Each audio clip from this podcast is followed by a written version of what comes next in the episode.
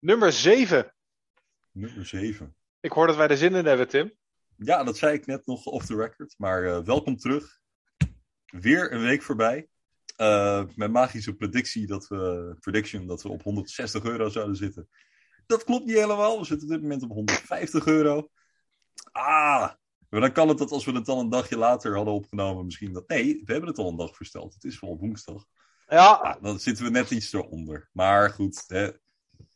Weer een week. Weer uh, saaie price action. Weer mensen die uh, gefrustreerd raken en andere dingen gaan doen. Laten we daar een beetje mee gaan beginnen deze week. Ja, ja dat, dat is het hè. De verveling. De verveling slaat toe. Um, ja, ik, ik, ik, zie echt parallellen met, met vorig jaar. De, de, nou, niet zozeer deze. Het, het voorjaar, Ja. zeg maar. Ja. Mensen, het duurt het allemaal lang. En eh, ja, missen hun dopamine. Het was natuurlijk voor het einde van het jaar was de blow-off top voorspeld. De blow-off top! Eh, ja, het- het- het- het- dat is hem niet geworden. Maar, Als je het en, niet gelooft, dan zie je het wel gebeuren. Let maar op, let maar op. Nou, Ja, is, en, en, en nu zijn er dan nog steeds wel mensen die denken dat we in de bear market gaan. Dus dat betekent eigenlijk dat je, dat je niet je taart hebt en dat je hem ook niet op mag eten. Maar ja, dan gaan we daar maar over klagen of huilen. Of, eh, ja. Ja, klopt. En dan gaan, we allemaal, zie- dan gaan we allemaal verkopen, want we zijn allemaal, allemaal bang. Ja. Ik zie ook parallellen natuurlijk ehm, met wat er eerder is gebeurd, maar wat wel een, een, een, een andere omstandigheid is, vind ik zelf dat de hele markt ook onderuit is. Wat we hebben gezien eh, afgelopen in 2000, ik kan eigenlijk alleen maar over 2021 meepraten. En wat wij ook, ook wel met het meest spannende jaar is qua prijzen action, tenzij je die 1 euro naar 15 euro pump in 2019 eh hebt meegemaakt en hem weer terug hebt zien zakken naar eh, onder de euro. Dat moet spannend zijn geweest. Maar ehm, wat ik in 2021 zag, was maar natuurlijk in het voorjaar ehm, ging, werden mensen gefrustreerd, het kwant. Want wij bleven op 35 euro hangen. Eh, de rest van de markt ging volledig parabolisch. Alles ging over de top. We waren natuurlijk wel eerst in januari vanaf Ja, tuurlijk. 11 naar die 40 toegegaan. Hè? Klopt, klopt. Nee, zeker. Maar daarna dan, eh, ja, toen kwam je in een fase dat je gewoon letterlijk echt gewoon dingen tegen de muur aan kan gooien, zoals jij dat zingt. En alles bleef kleven. Nou ja, mensen eh, die werden overmoedig. Toen Ja, draaide ken, het ken ik er nog wel een paar van hoor. Ja, ja, zeker. Oh, Eh, het gaat zo goed. Oh, het gaat zo goed. Oh, ik heb zoveel geld verdiend. Oh, ik heb zoveel geld verdiend. Oké. Ik voel dat al. Ja. Ehm, Sorry. totdat natuurlijk het, het sentiment veranderde in 2021. Ehm, de hele markt ging naar beneden en kwant ging in één keer omhoog. Toen versloegen we de markt. Ja, en eigenlijk vanaf dat punt eh, werd het een beetje onduidelijk wat er gebeurde. Eigenlijk na september werd het een beetje onduidelijk. Kwant had natuurlijk die piek in september. En het zakte een beetje naar beneden. Toen op zich de, de markt zelf met bitcoin en andere munten, die gingen nog wel heel goed in, in oktober. Oktober werd het ook wel genoemd. Eh, en dat duurde ongeveer tot halverwege november. En, en vanaf dat punt zijn we het eigenlijk allemaal kwijt. Wat zijn we nou aan het doen? Welke kant op? Ik weet het niet. Ja, ja, ja. En Quant heeft natuurlijk heel oktober ook eigenlijk niet meegedaan. Nee. Het was eigenlijk, eh, de, de piek viel inderdaad begin september. Eigenlijk de dag dat ik eh, mijn, mijn, hondje op ging halen, Smoke. Ehm, dat was het hoogste punt. Ja. En daarna was het inderdaad alleen maar ehm, bergafwaarts. En nou ja, het klinkt allemaal zo negatief. We staan nog steeds eh, in vergelijking met vorig jaar een keer, eh, keer 15. Dus Ja. ja, alleen in crypto kan daarover gejankt worden. Mhm. Denk aan dat gifje van die vent die dan eh, zo met zijn lippen aan het water staat. En, Ja. dat, en dat je bij het fotootje eronder ziet dat hij daar ontspannen op de grond zit. Ja. Dat het allemaal wel meevalt. Ehm, even de groepen waar we in zitten deelde iemand heel mooi dat we dat de, meeste van ons rijker zijn dan 99% van, van de wereld. Ja. Maar dat we wel lopen te klagen dat we zo arm zijn en dat we het zo zwaar hebben. Ehm, Ja, zelfs de, bij de rijkste procenten van Nederland eh, zullen velen van ons ook zitten. Ja, het is. eh twee tellen even mijn hond. eh, niet op de bank. Ik snap echt niet dat hij dat niet onthoudt. Hij heeft nog nooit op de bank gemogen en hij blijft het doen. Misschien denkt hij juist met de podcast bezig, nu kan het. Ja, is die jaloers. Heeft hij aandacht nodig?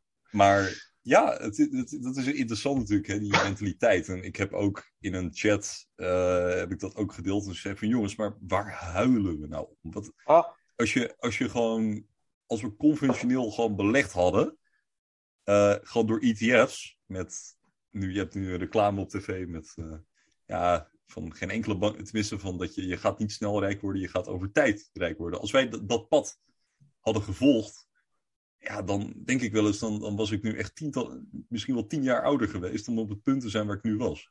weet, je wat, we, weet je wat we hebben gedaan? We hebben in een jaar tijd, hebben we van een tweedehands auto, ja. hebben we een adequaat koophuis gemaakt.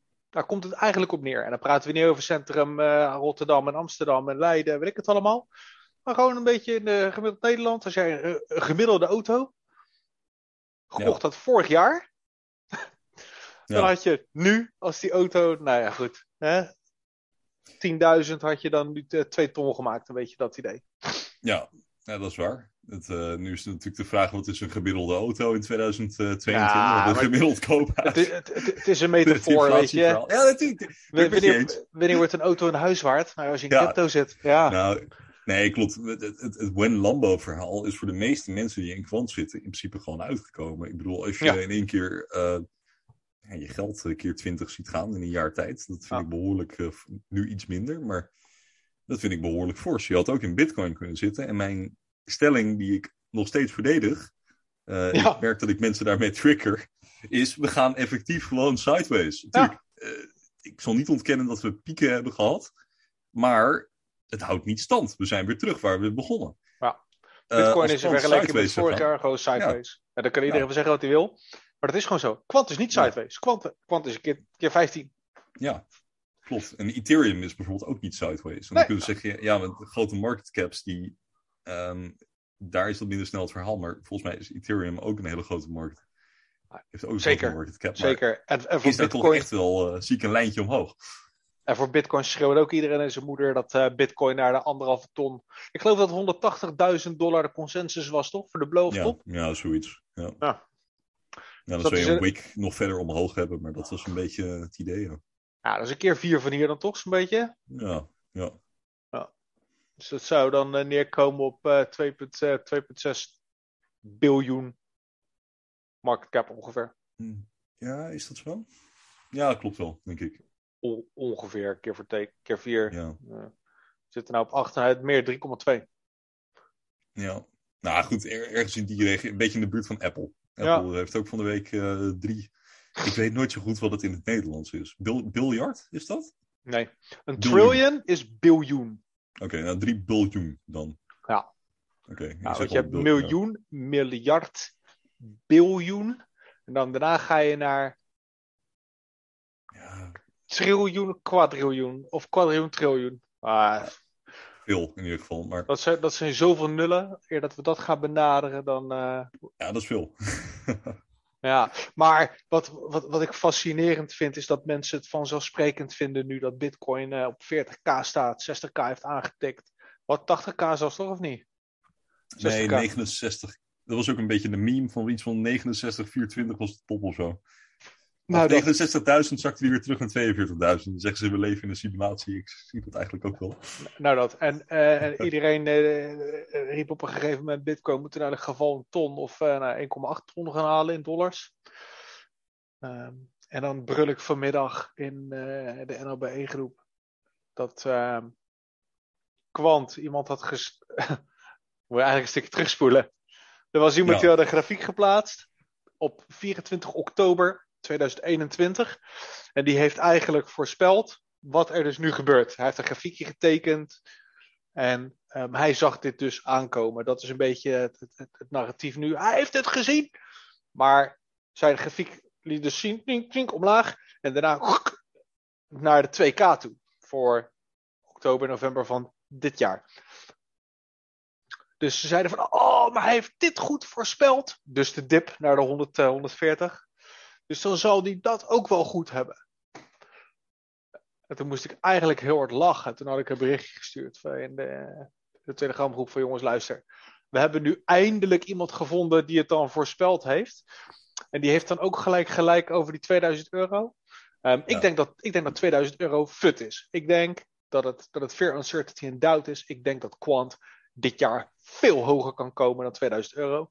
Niet op de TA, maar op de FA. Nou, uh, jullie weten allemaal, ik ben een, een hopeloze hopium uh, insane boel met hondsdolheid. En ik zie overal gouden bergen. Mooi. Maar ik, ik, ja, ik denk, ik, ik denk echt dat als, als OVN full swing en alles klopt zoals het voorspeld is, dat, dat 5K echt nog maar het begin is en dat dat prima in een jaar kan.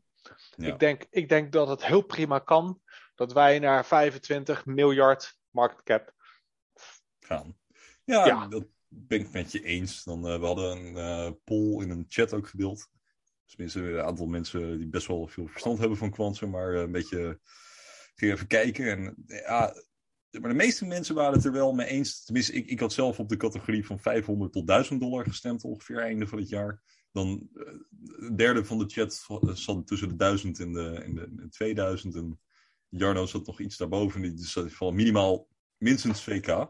Maar goed, het ding is, we weten natuurlijk niet wat er in 2022 gaat gebeuren. Kijk, um, mij lijkt het niet onrealistisch dat we hoger staan aan het einde van het jaar. Uh, daar ga ik eigenlijk wel van uit. Maar waar dat dan is, dat weten we gewoon niet. En je kan elke vorm van, van technische analyse daarop loslaten. Maar ik geloof niet zo meer in, in dat hele technische analyseverhaal. Voor mij is het gewoon hier een kwestie van. Tuurlijk, technische analyse is denk ik goed om uh, als een soort achteruitkijkspiegel te kijken van wat er in het verleden is gebeurd. En dan te gaan kijken van waar de supports zitten. Hm. Maar om in een project als dit uh, kan je niet sturen op die achteruitkijkspiegel. Want we weten simpelweg niet welke konijnen zeg maar, uh, Gilbert nog uit die hoed gaat toveren. Ja, of de wereld, hè? Of de wereld. Ja. ja. Ja, dat ook. Dat is nou een echt Black Swan event. Van, ik weet dat er een keer uh, discussie was over. Ja, er komt een Black Swan aan. Maar zoiets kun je dus niet voorspellen.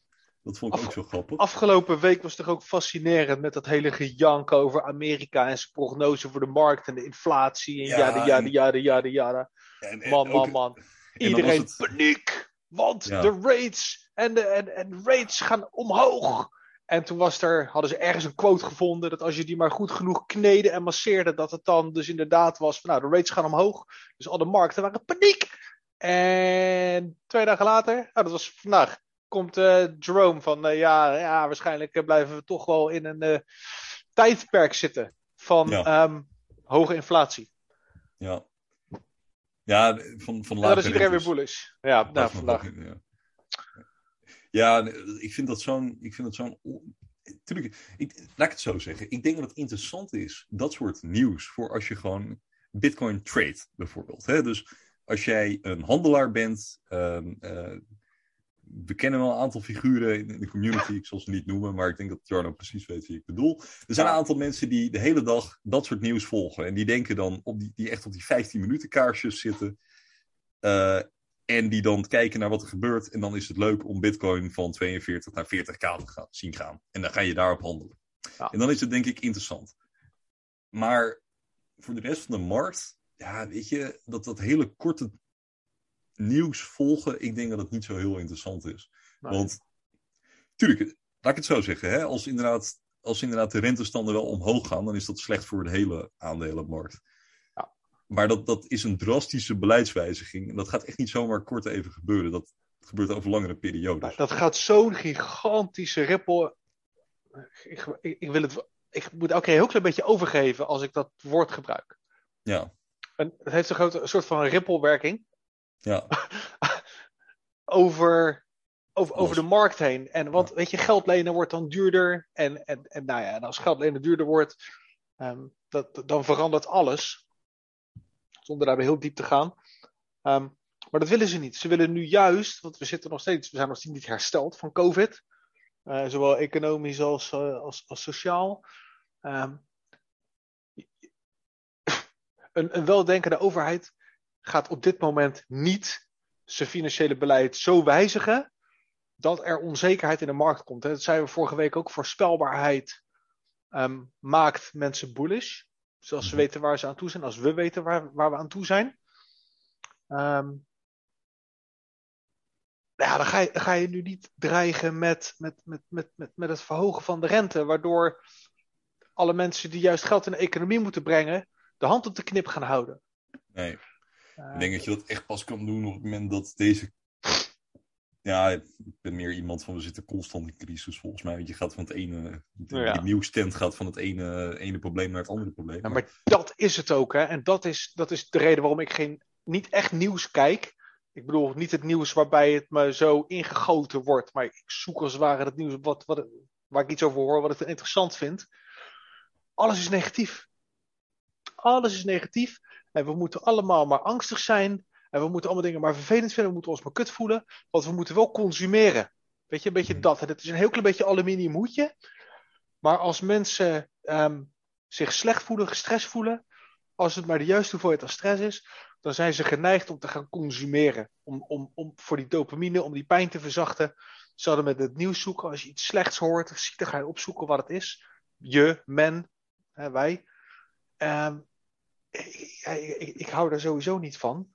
Maar dat sentiment wordt continu beïnvloed. En ik, ik, ik beschuldig ook lachend heel veel mensen binnen onze communities daarvan. Ehm, die zeggen van ja, ehm, ik, ik, ik, ik weet wel dat, dat, dat we gemanipuleerd worden met het nieuws. Ehm, en ik, ik doe er ook niks mee, maar ik deel het wel even.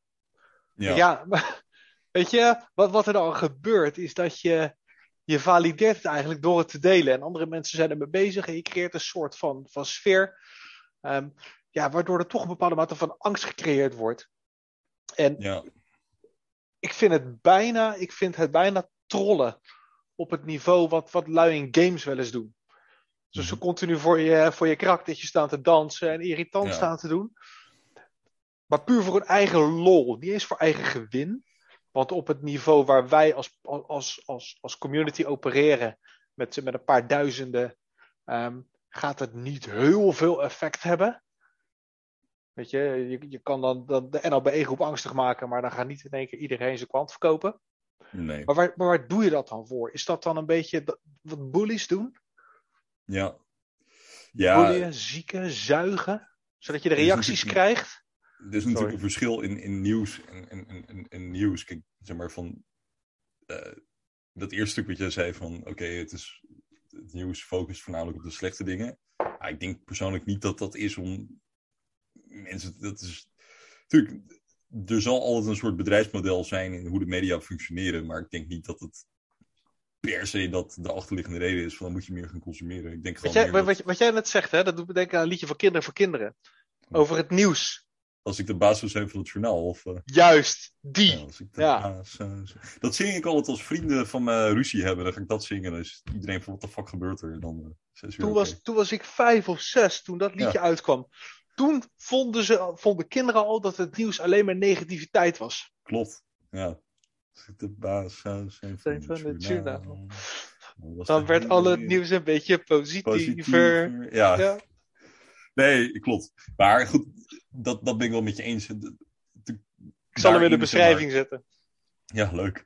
Eh, daarin zie je natuurlijk altijd wel dat er wordt gefocust op, op wat er gebeurt. En dat nieuws is vaak gewoon niet. Ja, je, ze moeten ook filteren. Er gebeurt ontzettend veel. Daarmee wil ik niet zeggen, en ben ik het met jou eens, van dat er in deze wereld meer gebeurt dan vroeger. Het is meer dat we nu gewoon de hele wereld hebben. Gewoon omdat iedereen een telefoon en een camera in zijn handen heeft. Dus we kunnen in principe overal uitkiezen. Ja, dan, dan cherrypick je de heftigste verhalen. En dan, dan krijg je natuurlijk wel dat je een slecht nieuws karavaan de hele tijd krijgt.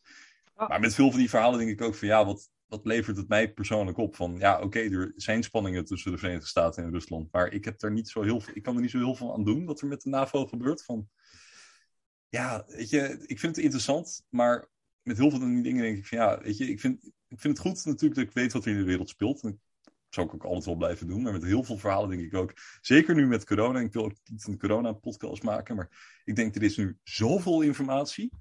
Ik merk gewoon dat ik overloaded raak met, met alle nieuwsberichten van het gaat die kant op, het gaat die kant op. En hetzelfde zie je eigenlijk gewoon, dat is- ik zat eerder vandaag over deze podcast na te denken.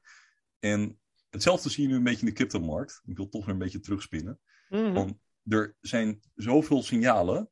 Eh, en eigenlijk iedereen heeft een mening, maar niemand weet precies welke kant we opgaan. En alle experts weten het eigenlijk ook niet echt. Heel veel mensen zeggen gaat het omhoog, sommige mensen zeggen het gaat naar beneden. En ondertussen kabbelen we een beetje door met waar we zijn. En dat vind ik, ja, ik weet niet, dat, dat vind ik gewoon heel interessant hoe dat werkt.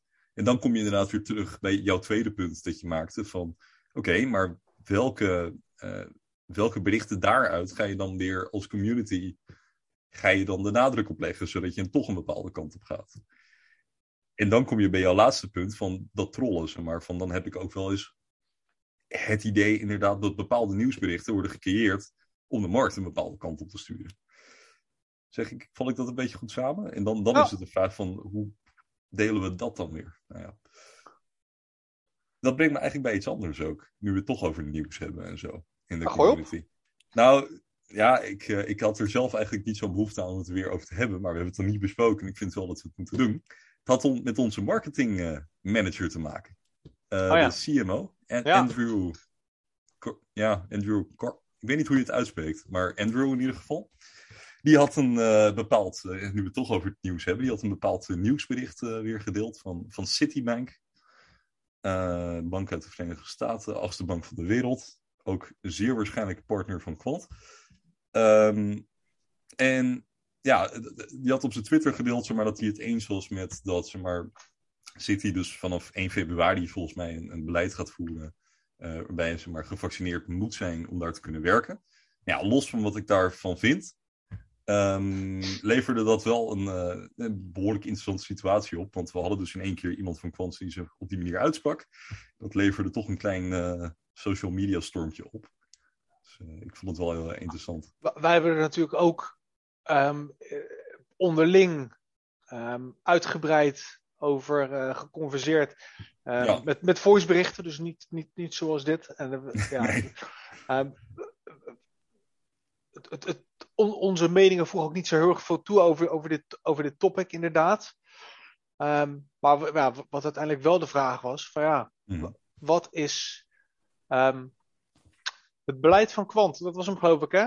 Als het gaat om. Ja, niet omtrent vaccinaties, maar omtrent nee. um, zeg maar, ja. wat voor. Hygiëne, sociale media-hygiëne. Ja, precies. Ja, wat voor beeld wordt er naar buiten toe uh, uitgesteld? Want natuurlijk het argument zeg maar, was van de mensen die zeiden... ja, je moet het in principe kunnen delen. Waar ik me dus onderschaar uh, van het is een persoonlijke account. Maar tegenstanders ervan zeggen nee, het, het, je, bent, je werkt vanuit die functie. Dus je bent ook verantwoordelijk voor het bedrijf dat je vertegenwoordigt. Ik heb, ik heb, ik heb twee voorbeelden. Eén is uit mijn defensietijd. Ja. Um, ik ben marinier geweest. En dan val je onder de krijgstucht. Um, onder de koningin als het ware. Toen nog de koningin, mm. nu de koning. Um, en, en, en dan heb je bepaalde rechten en plichten die ja. andere mensen niet hebben. Nou, een daarvan is, nee. ik meen, vaccinatie is verplicht. Zo zijn er nog een aantal van die dingen. Ik mocht toen ook niet, um, bijvoorbeeld, wat in Nederland gedoogd wordt, blowen, mag daar dus niet. Nou, dan teken je voor als je daar lid van wordt. Maar je mag dus ook niet zomaar um, van alles uiten. Je mag bijvoorbeeld geen kritiek hebben op het Koningshuis. Dat staat letterlijk zwart op wit. Um, nou, dat geldt voor jullie natuurlijk niet. Dat zou een, uh, schending van je burgerrechten zijn. Maar, maar daar ben je beperkt. Daar is best wel duidelijk en afgebakend dat je gewoon eigenlijk geen zaken doet met de media. Um, dat is heel helder. Dat is ook belangrijk, want nou ja, de defensie groot, daar wil je niet dat er van alle kanten kritiek geuit wordt. Maar een ander voorbeeld is toen ik voor een vape shop werkte. Vapen valt onder roken, valt onder de tabakswet. Daar mogen geen verkoopbevorderende dingen gedaan worden. En dat wordt ook zo geformuleerd door de NVWA, Nationale Voedsel- en Warenautoriteit. En dat betekent dat verkoopbevorderend is al veel. Als ik hier nu zou staan vapen, ik vape niet meer, helemaal mee gestopt, daar ben ik heel blij mee. Heeft wel mijn leven gered, want ik rook niet meer. Maar als ik hier nu zou staan vapen, dan zou dat, als ik dan vertel dat ik voor dat bedrijf werk, verkoopbevorderend gelabeld kunnen worden. En, en, en dan zou dat een probleem kunnen zijn. En dat was interessant, want iemand vroeg mij van een social media platform: van, mogen we jou interviewen? Uh, omdat ik een bepaalde specialisatie had in dat vapen. Um, maar ik werkte toen voor dat bedrijf. Dus ik heb toen mijn baas gevraagd, gewoon het eigen initiatief. Mm-hmm. Um, van joh, hoe, hoe, hoe zit dat? Mag dat? Kan dat? En hij zegt, nou, ik kan je niks verbieden, want je bent een werknemer. Maar je bent ook gewoon een, een, een, een, een ja, hoe moet je het zeggen? Een, een vrij mens, een, uh, gewoon een burger. Je mag, je mag op je persoonlijke account doen wat je wil. Maar um, als jij noemt voor wie jij werkt, um, en, en, en, en de NVWA ziet dat als verkoopbevorderend, dan kan je gewoon een boete krijgen van 700.000 euro. Dat is de maximale boete en een sluiting van zeven dagen. Zulke, zulke bedragen praten we dan over. Dat is wel, Ah, lange tijd werken in de vape shop, denk ik. Ja, nee, maar ik, ik weet, die 7 ton weet ik niet 100% zeker, maar dat, die orde van grootte of 7 dagen sluiting van al je filialen, dat is een maximale straf die je kan krijgen uh, voor het maken van reclame. Um, nou, dat, zijn, dat zijn natuurlijk dat zijn, dat zijn bizarre dingen. Ja. Uh, maar daar, wat, wat ik daarmee probeer te zeggen, is dat er dus niet um, hele heldere regels en voorschriften zijn. Vaak bij, bij, bij bedrijven van ja, wat mag nou wel, wat mag nou niet en wat is dan je common sense? Mhm. Als we dan kijken naar wat, wat Andrew dan uh, deed, zo, even tussen aanhalingstekens.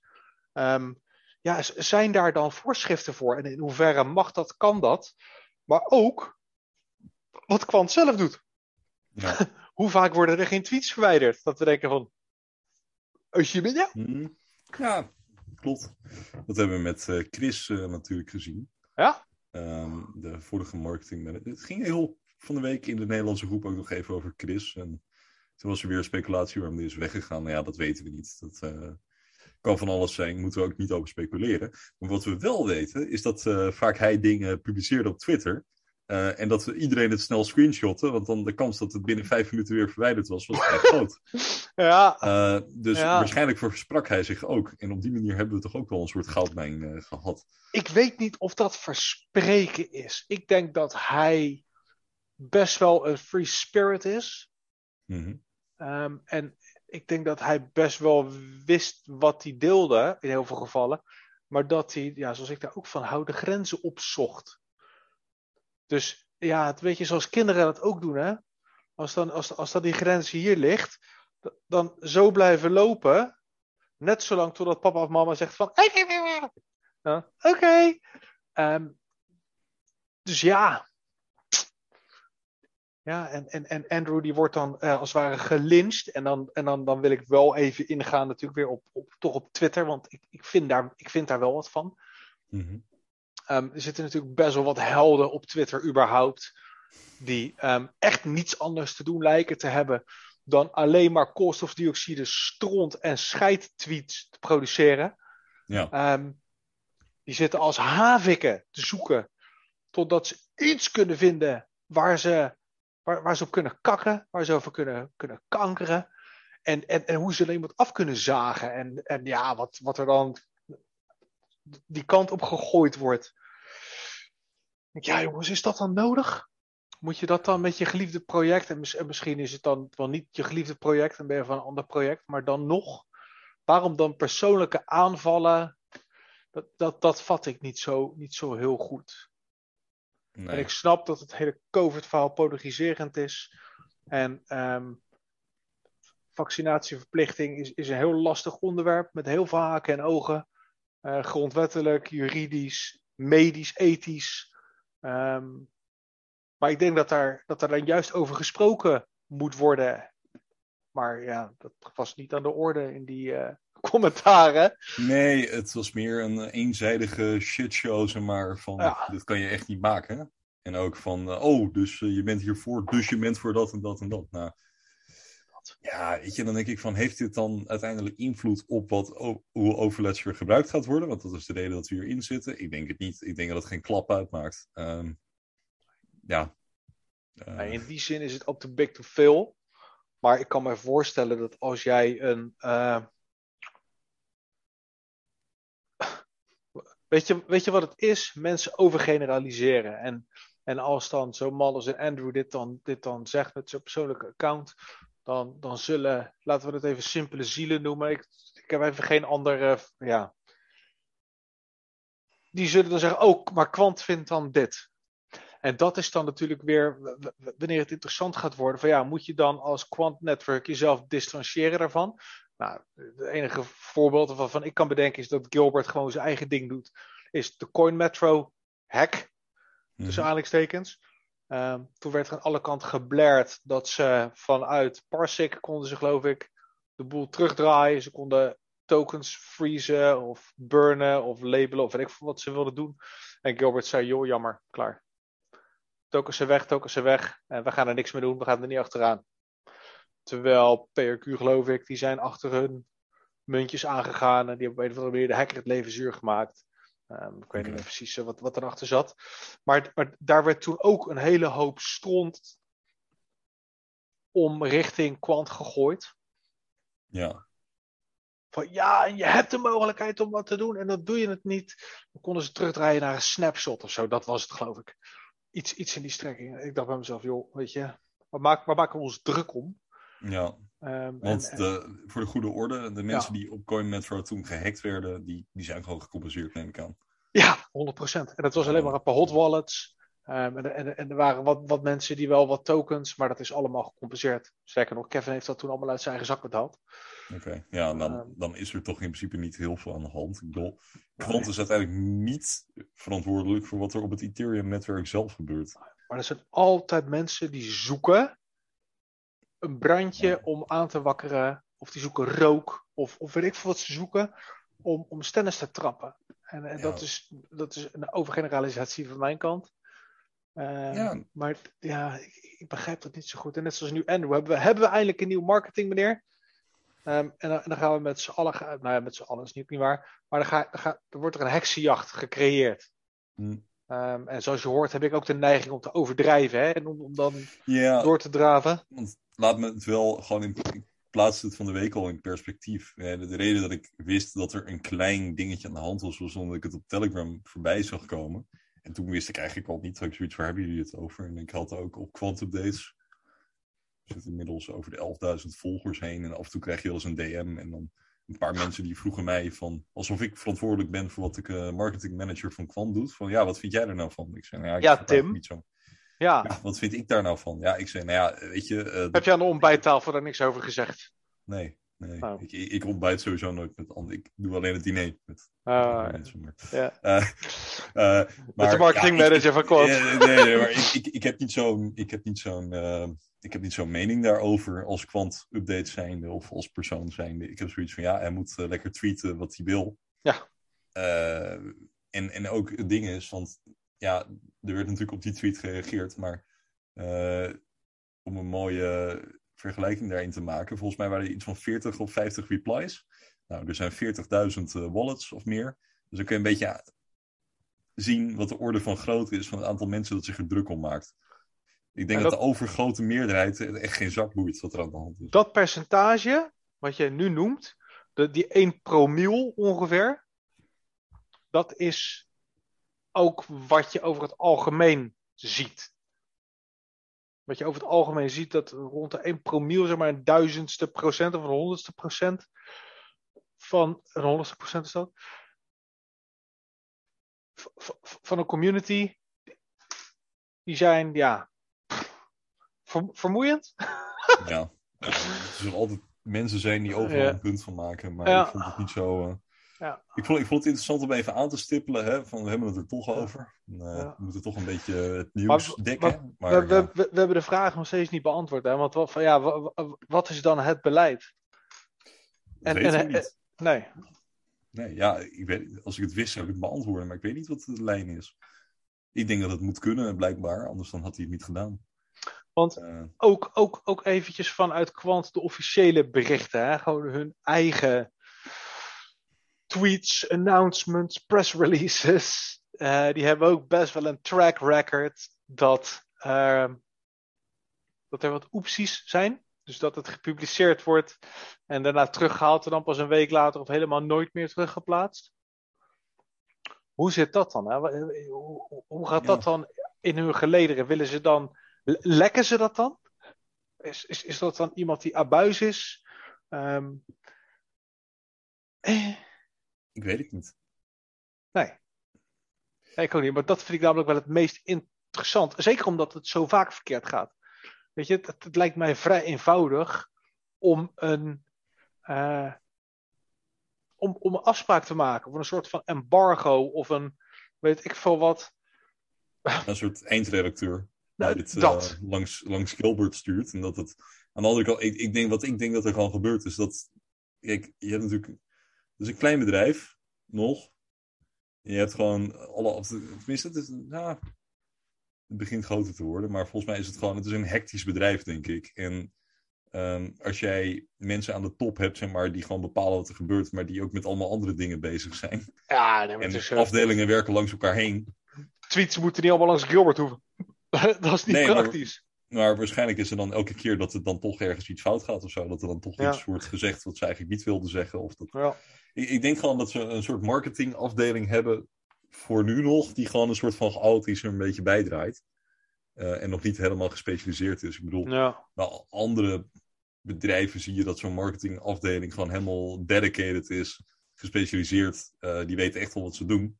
Hier denk ik dat het er nog een beetje erbij hangt. En dat ze dat natuurlijk wel gaan stroomlijnen. Maar dat nog niet helemaal gestroomlijnd is. Ja. Dus dat je mensen hebt die ja, een soort van dit erbij doen, denk ik. Ik denk dat dat nog een beetje het geval was. Dus dat je ook een beetje de marketing oppakt, maar dat je ook andere dingen doet. En dan kan je nog wel eens iets over het hoofd zien. Als jij gewoon dedicated de hele dag alleen maar bezig bent met, oké, hoe ehm, voeren we onze communicatie naar buiten uit, zul je denk ik een stuk minder die fouten aantreffen. Maar dat zeg ik dus van, het is een klein bedrijf, dus je hebt waarschijnlijk taken die overlappen en dan gaat er wel eens iets mis. Dat is een beetje wat ik denk dat er aan de hand is. Maar Ja.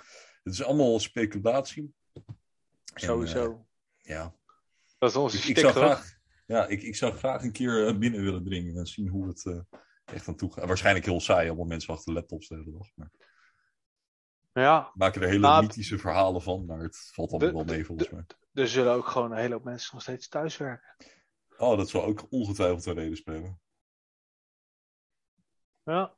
Als je thuiswerkt, heb je natuurlijk, dat is een hele nadeel aan thuiswerken, is dat jij gewoon een stuk minder face-to-face eh, contact hebt met je collega's, waardoor toch die nuanceverschillen niet helemaal goed overkomen. Ik, ik denk dat zeker eh, dat dat ook een reden is.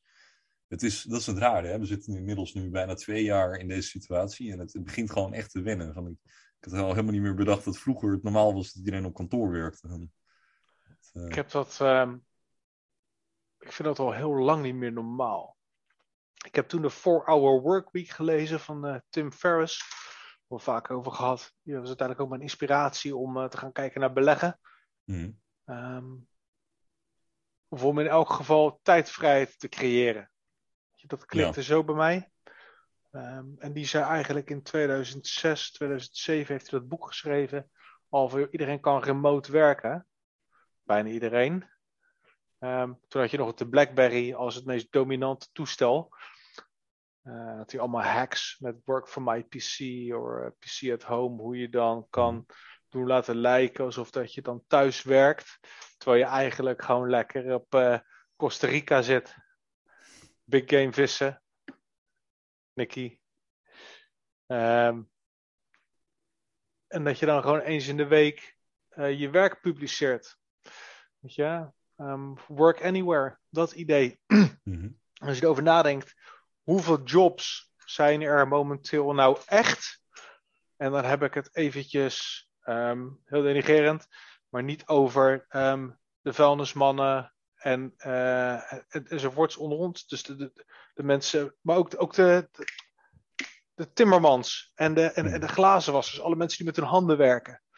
Ehm, maar voor de, voor, de, voor, voor de office dwellers, maar even dat, eh, wat natuurlijk een, eh, een grote meerderheid in mijn hoofd in elk geval is. Mhm. Ehm, ambtenaren, die kunnen bijna allemaal vanuit huis werken. Maar ook de, de bloggers, de vloggers, schrijvers. Alle digital Ehm, nomads. eh. Nou, maar weet je, dat was, dat was toen al. En, en, en toen, ik vind ook onderwijs. Nou ja, dat zien we nu natuurlijk ook. Ehm, ze- eh, tien jaar geleden? Het is al veel langer dan tien jaar geleden. Maar in 2007, als je toen zei van, joh, iedereen kan gewoon thuiswerken, werd er, ah, ah, ah, heel hard gelachen. En die, alle bazen wilden iedereen maar binnenhouden en smoren en in de buurt. Ja, en nu zie je dat het eigenlijk op afstand ook werkt. En het is niet overal even perfect en ideaal. Ehm dat kan en werkt wel. Ja. Ik, weet het nog steeds niet helemaal of dat nou het geval is. Ik zag vandaag ook een, eh, artikel. ik weet niet. eh, Business Week of zo. Ik, ik weet niet meer. Maar in ieder geval. eh, daarin werd ook weer. eh, Zeg maar, van, ik heb geografie gestudeerd. En, eh, een beetje in die hoek. Dus eh, het is wel een discussie die ik al langer volg dan, dan voor corona. En ja, daarin werd ook gezegd zeg maar, dat dat nu de, waarschijnlijk de dominantie van, van de, de, de, financiële centra van, ik heb ook mijn scriptie hierover geschreven, eh, van, van Londen en New York af zal nemen, zeg maar, omdat je gewoon heel veel jobs dus ook op andere plekken uit kan Ja. En natuurlijk met corona is dat proces versneld. Ehm, maar ik ben nog steeds niet helemaal overtuigd of dat nou echt, echt wel de oplossing is. Ik, ik denk persoonlijk dat je gewoon niet om dat face-to-face contact, gewoon de, die, die, die, soort van tacit knowledge wat je overdraagt, dus gewoon de, de dingen die je niet digitaal over, je moet, je moet erbij als, zijn. Als psycholoog ben ik het ook helemaal mee eens. Want in mijn scriptie heb ik het juist ook gehad over die, na- die nabijheid. Hè? Voor dat bij elkaar Ja. zijn. Hè? Bij elkaar in een ruimte zijn, dat sociale contact. En dat is ook echt wel belangrijk. Wat ik alleen denk en geloof, is dat ehm, heel veel van, van die dingen die we nodig hebben, die nabijheid, et cetera, die kan je ook op andere manieren krijgen. Ja, En, en, en, en, en al die dingen die jij zegt, misschien kan je dan niet met je directe collega's, omdat jij in, in Londen werkt en, en, en jouw toko zit in, in, in, in Tokio of weet ik veel waar. Mhm. Maar misschien kan je wel ergens een hub vinden of een plek. En dan doen we eventjes of COVID niet bestaat. Dan hebben we het alleen even over remote Ja. werken. Dat je met andere ehm conculega's. ja, precies. Dat je een soort van WeWork omgeving hebt, zeg maar, van die flexkantoren. Dat je, Dat. maar dan, dan ben je alsnog weer zeg maar, fysiek aanwezig op een plek waar mensen werken. Dat, dat is een beetje het punt wat ik probeer te creëren. Van, eh, er wordt heel erg gedaan alsof het heel simpel is om, om, om dan maar op andere plekken te werken. Maar uiteindelijk heb je toch echt wel, zie ik als geograaf in ieder geval, dat je heel vaak gewoon toch echt wel die, die locatievoordelen nodig hebt van andere mensen die ook met dat onderwerp bezig zijn. Anders is het toch wel heel lastig als bedrijf om je ergens zomaar random te vestigen. Ja. Het is, het, het is een discussie die we op dit moment. Ben ik er nog niet helemaal van over uit welke kant dit nou opgaat. Kijk naar Lianne. Lianne is een payroll consultant. En die heeft eh, in de COVID-tijd voor twee verschillende bedrijven gewerkt. En, Mhm. en allebei remote. En dan is ze Ja. letterlijk de hele dag in een videocall. Met Ja. één tot vijf mensen tegelijk. Mhm. En, en dat werkt. Ja, En er zijn ook momenten dat ze zegt van oké, want ze was dan leidinggevend. Oké, nu gaan jullie even aan het werk. Ik ben hier. Als je me wil, dan kan je me pingen. Ehm, en dan kan ze het alsnog ter uren bepaalde mate zelf, zelf maken, zelf bepalen. Ehm, en ja, dat kan je toch afstemmen met elkaar. natuurlijk. Het zal natuurlijk ook per baan verschillen, zeg maar, hoe goed dat, dat, dat toepasbaar Altijd, is. En daar ben ik het ook tuurlijk. wel mee eens. En ik denk ook zeker iets wat we de komende jaren minder zullen gaan zien. Zal die zakenvluchten die eh, geboekt worden, is wel echt nodig om voor een half uurtje naar Japan te vliegen. Eh, eh, dat soort dingen, dat, dat zal zeker op de schop gaan. Maar ik- durf toch wel de stelling aan. En ik weet ook, er zijn een aantal professors. Ik, het werd ook in een, in een programmagroep van de universiteit waar ik in zat, dat je die discussie best wel vaak. Van, er was een groep, zeg maar, die zei van, inderdaad wat jij zei, van je, we zullen zien dat de mensen alleen maar thuis gaan werken. En er is ook een andere groep die zegt, nou, weet je, dit het argument is, niet, is al sinds, sinds de jaren negentig was eigenlijk het idee al van, de- uiteindelijk gaat alles via het internet. En dat is toch niet echt gebeurd. Dus Ik, ik ben, ik ben, ik ben met je eens. We Dat moeten er- zien welke kant het op gaat. de, de middenweg. Ik, ik, ik, denk, ik denk dat ehm, inderdaad vier, vier dagen thuis, vijfde dag op het werk, zo'n orde van grootte, ehm, dat dat prettig is. Ik heb natuurlijk eh, voor, ehm voor bedrijven in Estland gewerkt, een, een half jaar, iets meer dan een jaar, tien maanden. Dat had meer geweest, beter geweest, had ik misschien nu nog wel geweest als ik wel in-house had geweest. Ja. Want dan had ik letterlijk met de CEO en de COO arm in arm kunnen lopen. En Ja. had ik mee kunnen kijken, mee kunnen denken, mee kunnen leren. Veel beter, veel meer. Ehm, en wat nu eigenlijk helemaal niet. Want zij gingen Nee. ad hoc van meeting naar meeting. En dan is het niet zo makkelijk als even je handje vastpakken en meekomen. Nou, dat bedoel ik dus. Dat soort contact heb je dus niet als je op afstand werkt. En natuurlijk, er zullen heel veel banen zijn die... eh, het zijn eigenlijk bullshit jobs. Dat wordt ook wel genoemd van onzinbanen. Van ja, in principe, als het niet gebeurt, dan missen we het nou echt. Eh, om maar heel provocerend daarin te zijn. Ook niet met alles, hè? Niet met alles. Maar met sommige dingen denk ik van ja, weet je, als je het ook, zo, als je het ook vanuit Thailand kan doen, is het dan wel echt een cruciale baan. Nou, Ja. dat denk ik wel. Dat denk ik Ja. wel. Ja, Waarom zou dat niet Het kunnen? ligt een beetje aan het, het type werk natuurlijk. Maar als het met heel veel dingen denk ik van ja. Als jij eh, webcam seks eh, doet, dan kan het ook vanuit Thailand. Ja, ja nee, klopt. En dat is een cruciale baan in de COVID-tijd. Voor heel veel mannen. natuurlijk, eh, ja, je, je zal je hebt natuurlijk economen die zeggen dat alles natuurlijk belangrijk is. Maar als je dan vanuit zo'n hoek van Tim Ferriss kijkt, die eigenlijk zegt van ja, je kan ook vier uur werken. En net doen alsof je aan het werk bent. Van hoe belangrijk is je werk dan eigenlijk? Ja, maar dat- nou, weet je, dat, dat, dat, dat is 100%. Nee, dat is 90% waar. Kijk, er wordt, dat, dat was natuurlijk zijn overtuiging. Er wordt verwacht dat je zoveel werk doet. En daar Mhm. staat een bepaalde tijd voor. Maar als jij die hoeveelheid werk kan verzetten in minder tijd, zeg in de helft, dan wordt er op kantoor verwacht dat je twee keer zoveel werk verricht. Omdat je eerder Ja. klaar bent.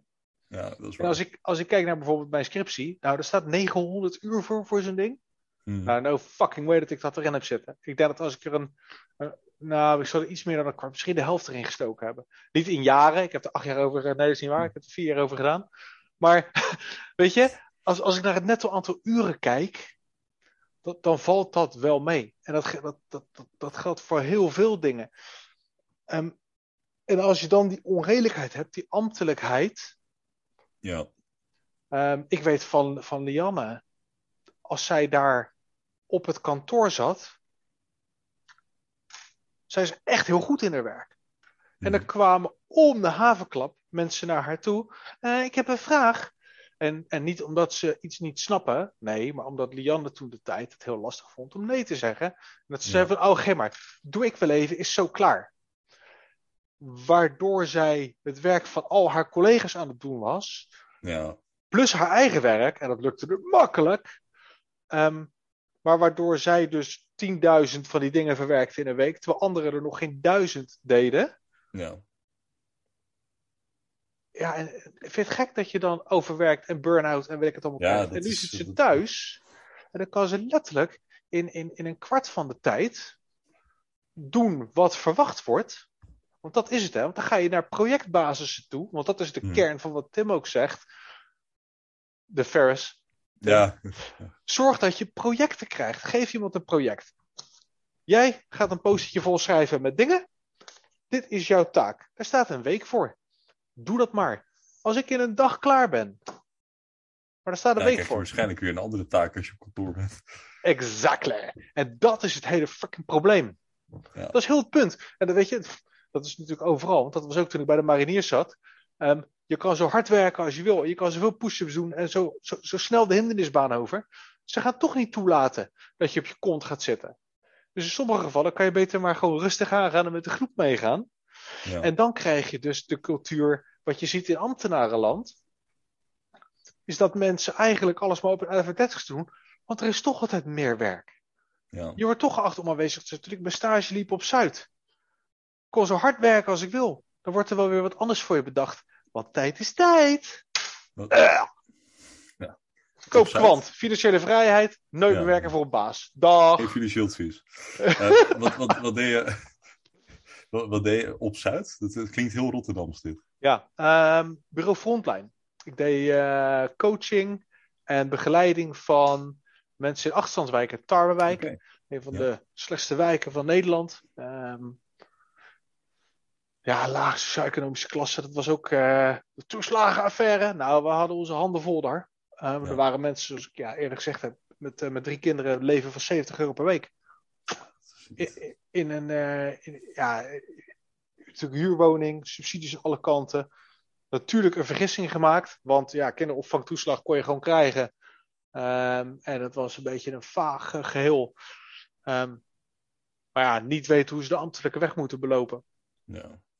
Ja, en dan krijg je dus dat overspoeld werd met ehm, ja, mensen met allerhande problemen. En die problematiek gaat natuurlijk vaak veel verder.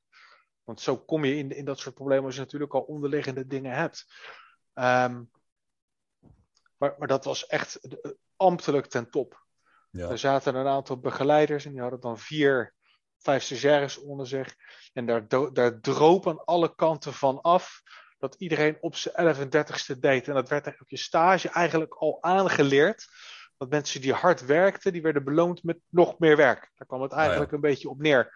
Ehm, en, en, en weet je, niks nadeligs voor wat ze. We, we hebben daar echt goud werk gedaan. We hebben mensen geholpen. Ehm behoed echt letterlijk voor de afgrond. Uh, aan Mhm. alle kanten. Mensen hadden het slecht hoor. Ja. Want als jij onder bewind staat voor drie jaar met drie kinderen omdat je iets verkeerd hebt gedaan waarvan je niet van wist dat je het verkeerd gedaan had. Waren natuurlijk ook mensen die er wel bewust van waren en die hoopten dat ze ermee weg zouden komen. Hm. Ehm, maar, maar, maar het hele ambtelijk systeem, ik denk dat buiten dan de coachgesprekken die wij er natuurlijk deden, ehm, als je met, met een kwart van de mensen die in dat kantoor of in dat gebouw rondliepen, dat, dat je de toko ook had kunnen draaien. ja. Ehm, door gewoon een stukje eh, efficiëntie, wat meer beloning, et cetera, in te voeren. Eh, ja, bakkies. Als je mensen voor een koffie laat betalen, daar al is al heel veel probleem op. Als het niet meer gratis is. Ja, oké, fair enough.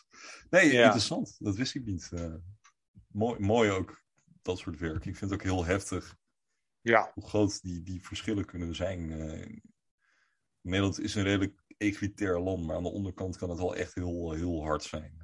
Nou, waar ik wel van schrok is wat we de vorige keer natuurlijk hadden gevonden, was dat de gemiddelde Nederlander aan vermogen maar 155.000 euro heeft, 160.000 euro. Ja, Maar 160.000 euro zeggen we even hier als, eh, als crypto eh snoetseltjes. ja. Ja, ja, dat is dan gemiddeld, hè? Dus Ja. met alle miljonairs meegerekend. Ja, Want ja. ik vind 155.000 euro vind ik op zich niet zo heel gek als je bedenkt dat het inclusief je is huis, inclusief je auto, en je hypotheek eraf. Ja. alles, netto. En dat, en dat Nederlander. is gemiddeld. Dus dat, En dan zijn we het vier na rijkste individu ter wereld, hè? gemiddeld. Ja. Vier na rijkste individu ter wereld. Dus dat is inclusief United States, Scandinavië, Engeland. Ja, ja, zijn we echt. dat stond toch? zo hoog? dat hebben we Ja. toch vorige week gevonden? Ik weet niet of dat zo is. Ik kan me voorstellen dat zo'n aantal van die golfstaten wel, wel rijker zijn dan. in- in- Nee, Ja, dat, zei, dat ze niet. Linksom of rechtsom, we staan alsnog in de top van de rijkste landen. We zullen sowieso in de top Nee, 15 maar- staan. Ja. Maar dan maar 150.000 euro. Dat, is, dat was mijn gedachte. ja, dat is niet veel. Nee, maar en als je dan. Gemiddeld. Ik Dus zat te dat- kijken in de quote. Er is 500 miljard. Was dat 500 miljard? Ja, in de quote 500 geloof ik. Is, is de top eh, quote 500 waard? 500 miljard, die orde van grootte. Dat zou zomaar kunnen, ja. Maar, maar, maar kan je dan nagaan hoeveel procent van die 150.000 uit die hoek komt en hoe groot gedeelte van Nederland dat dus niet heeft? Nee, Nou, klopt. En dat, dat is ook het ding. Volgens mij is Nederland qua... in- is heel interessant. Kijk, qua, qua inkomen... En dat, dat is Nederland een van de meest egalitaire landen van de wereld. Omdat... Wat is egalitair? Wat betekent dat? Ja, het betekent gelijkwaardig. Dus eh, zeg maar, een van de meest gelijkwaardige landen van de wereld. Ah. Omdat als je meer dan, nou, dat je meer dan, ik weet niet precies, ik heb nooit echt belasting betaald en ik ben nog een student, maar volgens mij, als je boven de 68.000 euro zit, zoiets, dan betaal je die 52 En Oh, ja, ja, ja. ja. precies, dus zeg maar, en er zitten niet heel veel mensen, dus qua inkomen, je betaalt al heel snel gewoon de helft van je vermogen, eh, van je inkomen, betaal je aan belasting. Ja. Op die manier zijn we, nou, zijn we best wel gelijkwaardig. En er zitten niet heel veel mensen echt in die top scheiden. Iedereen zit best wel dicht bij elkaar. Uh, maar dan komt het vermogen. En dan zijn we in één keer een van de minst gelijkwaardige landen uh, ja. van, van, de ontwikkelde wereld. Dan, dan zie je een aantal mensen die heel veel geld hebben. En heel veel mensen die dus echt best wel aan die onderkant zitten. En zeker als je dan weer kijkt hoe dat belast wordt. Ja. Uh, dan is het echt een grap. Want ja, de, de, ja, je betaalt dus geen vermogen over je rendement. Je betaalt gewoon je vermogen, uh, je belasting, uh, zeg maar, over je volledige vermogen. ja, dan komen we er in één keer heel goed vanaf. Dan uh, ja. snap ik wel dat ze box 2 en 3 de pretboxen noemen, wat dat betreft. Want wat je heel veel ziet bij mensen die dus veel geld hebben, is dat ze in box 1 dan een laag inkomen, zogenaamd ergens een beetje bij elkaar sprokkelen. Daar betalen ze dan hun hoofdbelasting over. En dan heb je nog box 2 en box 3 over. Ja, dan betaal je nauwelijks iets. Uh, ja, dat is wel een mooie constructie. En uh, ja, wat dat betreft zit, dan, zit het dan heel anders in elkaar. Ik, zie jou, ik ben uh, er even over nadenken. Het gaat een beetje langs mij heen, geloof ik. Ja, nou ja. Dit, ik, ik, ik hoop nooit meer inkomstenbelasting te betalen in elk geval. Laat ik het daarop houden. Nee, ja. Dit jaar nog een keer over vorig jaar. Hoe oh, fuck, ik moet ja, belastingen nog ja. doen. Ja, ik moet het ook... Ja, even terug weer naar, laten we toch weer een beetje bij kwant. Uh, we hebben die inkom. Ik hoop toch wel dat we weer boven de 155 gaat komen. We staan nu, uh, we hebben natuurlijk op 1 januari hebben we 155. Ja, dat het pas in 2023. Maar Klopt goed. Goed. Nee, ik, eh, ik durf short term niets meer te zeggen. Nee, Ehm? Nee, weet je, Tim, het is. Eh, er is zoveel. Er is zoveel potentie. Er is zoveel mogelijk. Maar we zijn let. Ik, ik, ik kom gewoon zo weinig op CoinGecko. dat ik niet eens meer mijn streak haal elke keer. De streak? Ja, als je daar zeven dagen op rij eh, klikt dat je ingelogd hebt. Dan krijg je plus 10, 20, 30, 40, 50, 60, 70 punten. En daar kan je dan dingen mee, mee kopen krijgen. Whatever. Oh, CoinMetro, nee, CoinMarketCap CoinGecko. heeft dat ook. Ja. Dan, eh ja, Ja, zodat je dus dat ook wel hebben. Dus, ehm, maar ik kom dus zo ja, weinig op dat dat dat dus niet meer doe. Ehm, ik ben mijn verhaal kwijt. Maar nee, ja, het, het, het- we, we zijn echt even. Short gewoon- term. I- i- ja, als ik nu op de zeven dagen kijk naar mijn portefeuille, is er niks van betekenis wat, wat in waarde toe is genomen. Nee. Gemiddeld eh, is alles eigenlijk alles neer. Ethereum min 12% op de zeven dagen. Bitcoin min 6% op de zeven dagen. Oh, we gaan naar een bear market. Ja, we gaan eraan. Ja, dat was Ja. zoveel paniek weer van de week. Hè? Er was zoveel paniek. Quant min Ehm, 6. Bitcoin ging naar beneden en echt, het was echt weer het einde van de wereld. En, eh, dat is allemaal wel. Iets anders, Ja. eh, wat ik ook heel leuk vond, en in het Engels, ehm, onze iets serieuzere versie, voor eh, eigenlijk iedereen, als je Engels spreekt, was de Twitter Space. Hm. Ze hadden mij ervoor gevraagd, hè? Ik heb dat toen Ja. niet gedaan. Nee, Dat was ik 12 uur s'nachts. Ik dacht, ja. Ik heb hem ook nog niet geluisterd, moet ik zeggen. Oh, oké.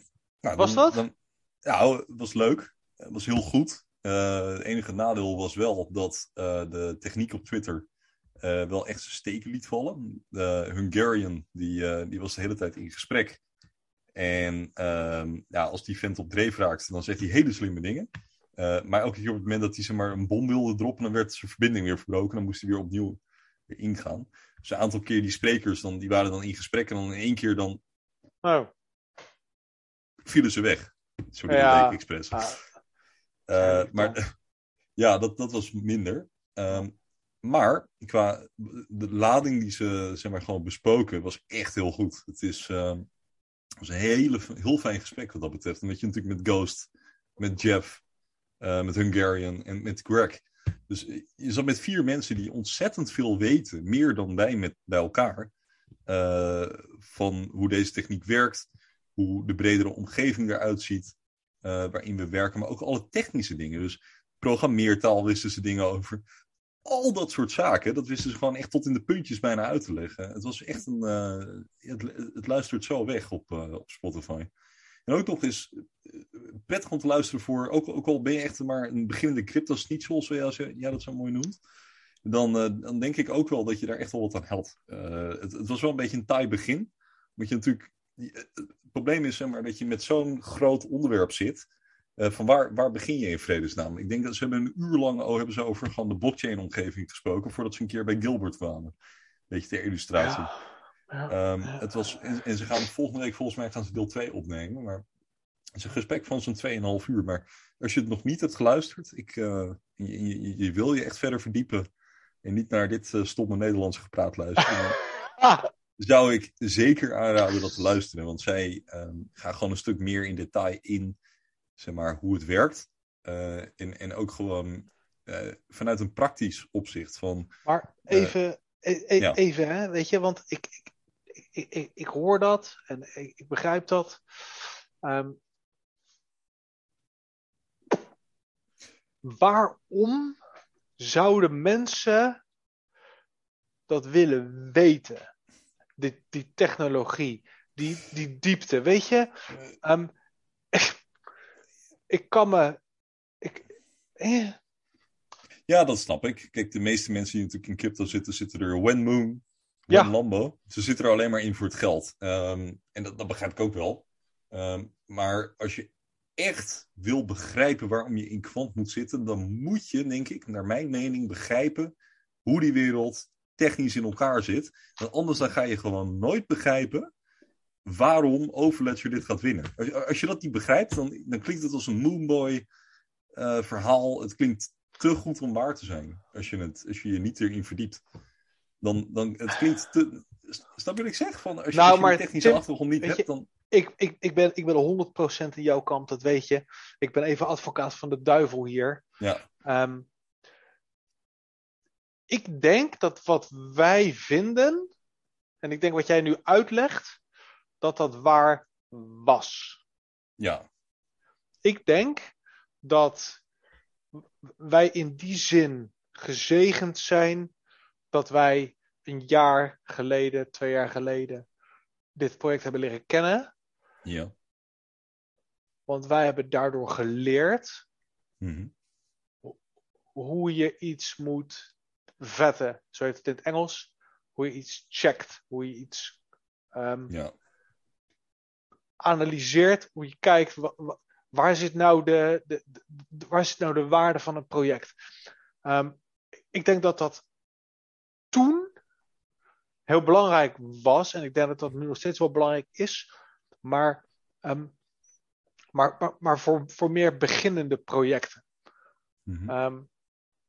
Wij, Nou, wij, hebben, wij hebben dit gevonden, we hebben dit vroeg gekocht, we hebben veel gekocht. Ehm, even in de grand scheme of things, hè. We hebben veel gekocht omdat we wisten wat we kochten. Straks ga je zien, nu ga je zien. Ik, ik denk dat het niet nog een maand gaat duren voordat de boel. Het, go- het- ik, ik schreef dat van de week. Ehm, je kan niet nog meer onder het tapijt schuiven en achter het gordijn kwijt bij Quant.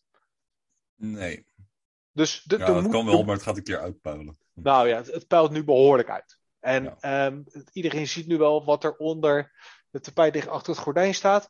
En, en ik, ik denk dat dat binnen een maand wel uit gaat komen. Dat gevoel heb ik, eh, en dat is nergens op gebaseerd, behalve dan eh, heel veel hoopje. Ehm Kraken donderdag, jongens. when kraken. Nee, maar het is, ik, ik ben mijn verhaal kwijt waar, waar, waar ik heen wilde. Ehm, ik ben mijn verhaal kwijt waar ik heen wilde. Nou, je zei in ieder geval, als ik het correct heb geluisterd, luisteren is ook mijn eh, sterkste kant, maar Hmm. eh, zeg je zeg maar van dat je dat het nu anders is om te bepalen waar de Oh ja. waarde in een project zit. Precies. Omdat er nu bewijs is. Omdat er nu gezegd wordt, inderdaad, dankjewel Tim. LAC-chain, LAC-chain. Ehm, er is van bekend dat, dat Quant Network daar gewoon in zit en het oplost. Simba-chain. Ehm, die, die, die, die, die doen met, met Quant. Oh, fucking Oracle. Ehm, die zeggen, oh, we zijn zo blij dat we jullie aan boord hebben. Jullie zijn fantastisch. Ehm, de Big Four die eh, erkend hebben dat ze bezig zijn met, met Overledger, met Quant Network. En dat, dat- en voor duidelijkheid, het gaat niet om een Afrikaanse safari, maar dat gaat over consultancybedrijven. Ja, Eh het gaat over KPMG, Deloitte, eh, Ernst Young en PricewaterhouseCoopers. Niet over olifanten, nelpaarden en zo. Juist. Juist. Maar die hebben allemaal in, in, in- op een bepaalde manier erkend van jongens, Quant is de shit en, en, en, en, en wij gebruiken Quant. En wij, wij steunen het. Ehm, dus in die zin kan je ervan uitgaan nu ehm, dat als zij zeggen dat het goed is, dat het goed is en dat het een veilige investering is. Maar dan nog steeds, dan ga ik even naar de kant van de advocaat van de duivel. Ja, dat is leuk, maar eh when, when staking, Ja, when, eh, when, ja, Ja. sna- snap je? En ik, ik denk nog steeds dat ook al zie je al dat soort nieuwsberichten, denk ik Maar- nog steeds dat het... dit komt, wat jij nu zegt, dit komt omdat mensen keer op keer hun klauwen gebrand hebben in crypto.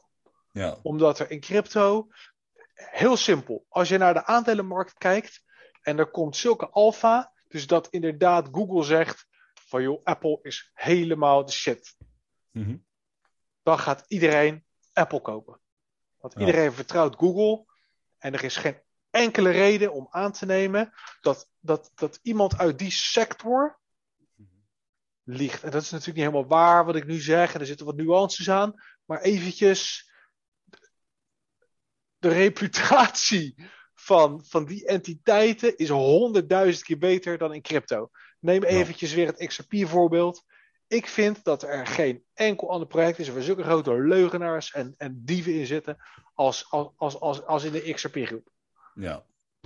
fight me. Nee, maar Ja, ehm, weet je, er wordt zoveel gezegd en er wordt zoveel beloofd. En uiteindelijk is er niets om te zien. En daardoor zijn mensen buitengewoon sceptisch en kritisch. Wat op zich best, best prima is. Ehm, en dan kan je inderdaad zeggen, ja, when, when staking. Ja, ehm, wanneer alles correct werkt. Ja, Wanneer het allemaal foutloos is. ja. En in de tussentijd denk ik dat je Oracle kan vertrouwen. Ja, ja, zeker. Eh, ik merk ook weer dat eh, de when-staking vragen ook weer op Instagram terugkomen. Een aantal mensen. En denk ik echt van, heb je nou echt van, yo, we beloven dat we op het moment dat we weten wat er gebeurt, geven we je een update. er is geen enkele reden om dat persoonlijk aan ons te gaan vragen. Mensen willen toestemming om wat anders te gaan kopen. Maar toch, terug naar het originele punt. Kijk, jij maakt ervan van, ehm, zeg maar, mensen zijn op hun bek gegaan in crypto. Ze hebben een of ander protocol ergens gekocht. Dat belooft 24 miljoen procent eh, rente per jaar. En ze gaan paf op hun bek. En dat doen ze een aantal keer. En ehm, ja, je moet terug naar McDonald's. Ehm, eh, dan alsnog vind ik, om echt in deze wereld te kunnen beleggen, want ik, ik, ik, ik noem het niet eens, ik noem het niet eens, eh, voor mij is het een belegging, eerlijk gezegd. Van, ik weet dat ik er een aantal jaar in zit. En dat is voor crypto begrippen, nou, om echt te hoddelen. Laten we dan toch een beetje terugbrengen naar, naar crypto. Er was iemand van de week in de, in, de, in de Nederlandse chat die zei, ja, met hoddelen zou ik het nooit maken. Ja, Ben ik het, ben ik het deels mee eens. Ehm, ik denk dat hoddelen is ook een vorm van traden, maar dan op de lange termijn. ja. Ehm, Kijk, je moet een keer wat verkopen. Ja. Als, je, als je niet verkoopt, dan blijf je inderdaad altijd arm. In die zin. Ja, precies. En daar, daar ben ik het mee eens, maar dat ben ik niet eens aan terug. Maar shit, nu moet ik even nadenken wat ik wilde zeggen. Over dat Maar- die gast zei, ja, dat, dat als had hij het nooit gemaakt. Ja, precies. Maar om echt te kunnen hoddelen, om echt vertrouwen in te hebben dat je in deze markt weet wat je doet. En om ook echt een substantieel bedrag in een bepaalde crypto te stoppen. Dat had ik nooit, maar dan ook nooit gedaan. Eh, als ik niet de fundamentele kennis had eh, van wat er met Overledger gaat gebeuren. Nee. Want ik geloof niet, sorry, maar ik geloof niet dat al die projectjes die je nu ziet, dat Ethereum echt zoveel waard is zoals het nu is. Misschien wel, E- Ethereum misschien wel, hè. Maar dat, ik geloof niet dat een Solana, een Avalanche, een Hathor, noem het allemaal maar op, dat die allemaal gaan beloven en gaan doen wat ze willen. Ik geloof er niet in, sorry. Ze zullen zeker, ik, zeg niet dat het een flop wordt, want dan, dan zit ik aan de kant van de economen die voorspelt dat, de, dat het een groot Ponzi-schema is. Dat verwacht ik niet. Maar ik had er nooit zoveel geld in gestoken. En de reden dat ik zo groot ben ingestapt hier, eh, is omdat ik begrijp dat kwant groter is dan de cryptowereld. Dat de cryptowereld maar 2% is waarschijnlijk van de markt waar, waar Overledger uiteindelijk echt op doelt. Ja. En, en, en, en dat moet je wel begrijpen voordat je echt gaat investeren hierin. En daarom denk ik dat het toch belangrijk is om te luisteren en gewoon te horen van hoe deze technologie werkt, eh, wat de fundamentele problemen daarin zijn, eh, voordat je echt investeert. En anders dan, ja, als je elke crypto op dezelfde manier behandelt, zou ik er nooit zoveel geld in steken. Echt niet. Nee, nee, nee, nee. nee. Maar, maar dat is ergens. ehm, en ik, ik, ben, ik, ben, ik ben eens met wat je zegt. Hè, en ik vind ook dat mensen 100% moeten gaan luisteren naar die recording. Maar, maar wat ik probeerde te stellen is. Ehm, je gaat straks zien dat er steeds meer mensen zijn.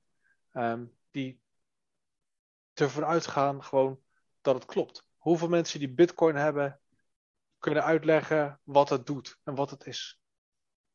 Maak je niet minder rijk, maak je niet slimmer of dommer dan, dan, dan, dan andere mensen. Ehm, en ik ben ook meer van de. Ik weet graag wat ik vasthoud.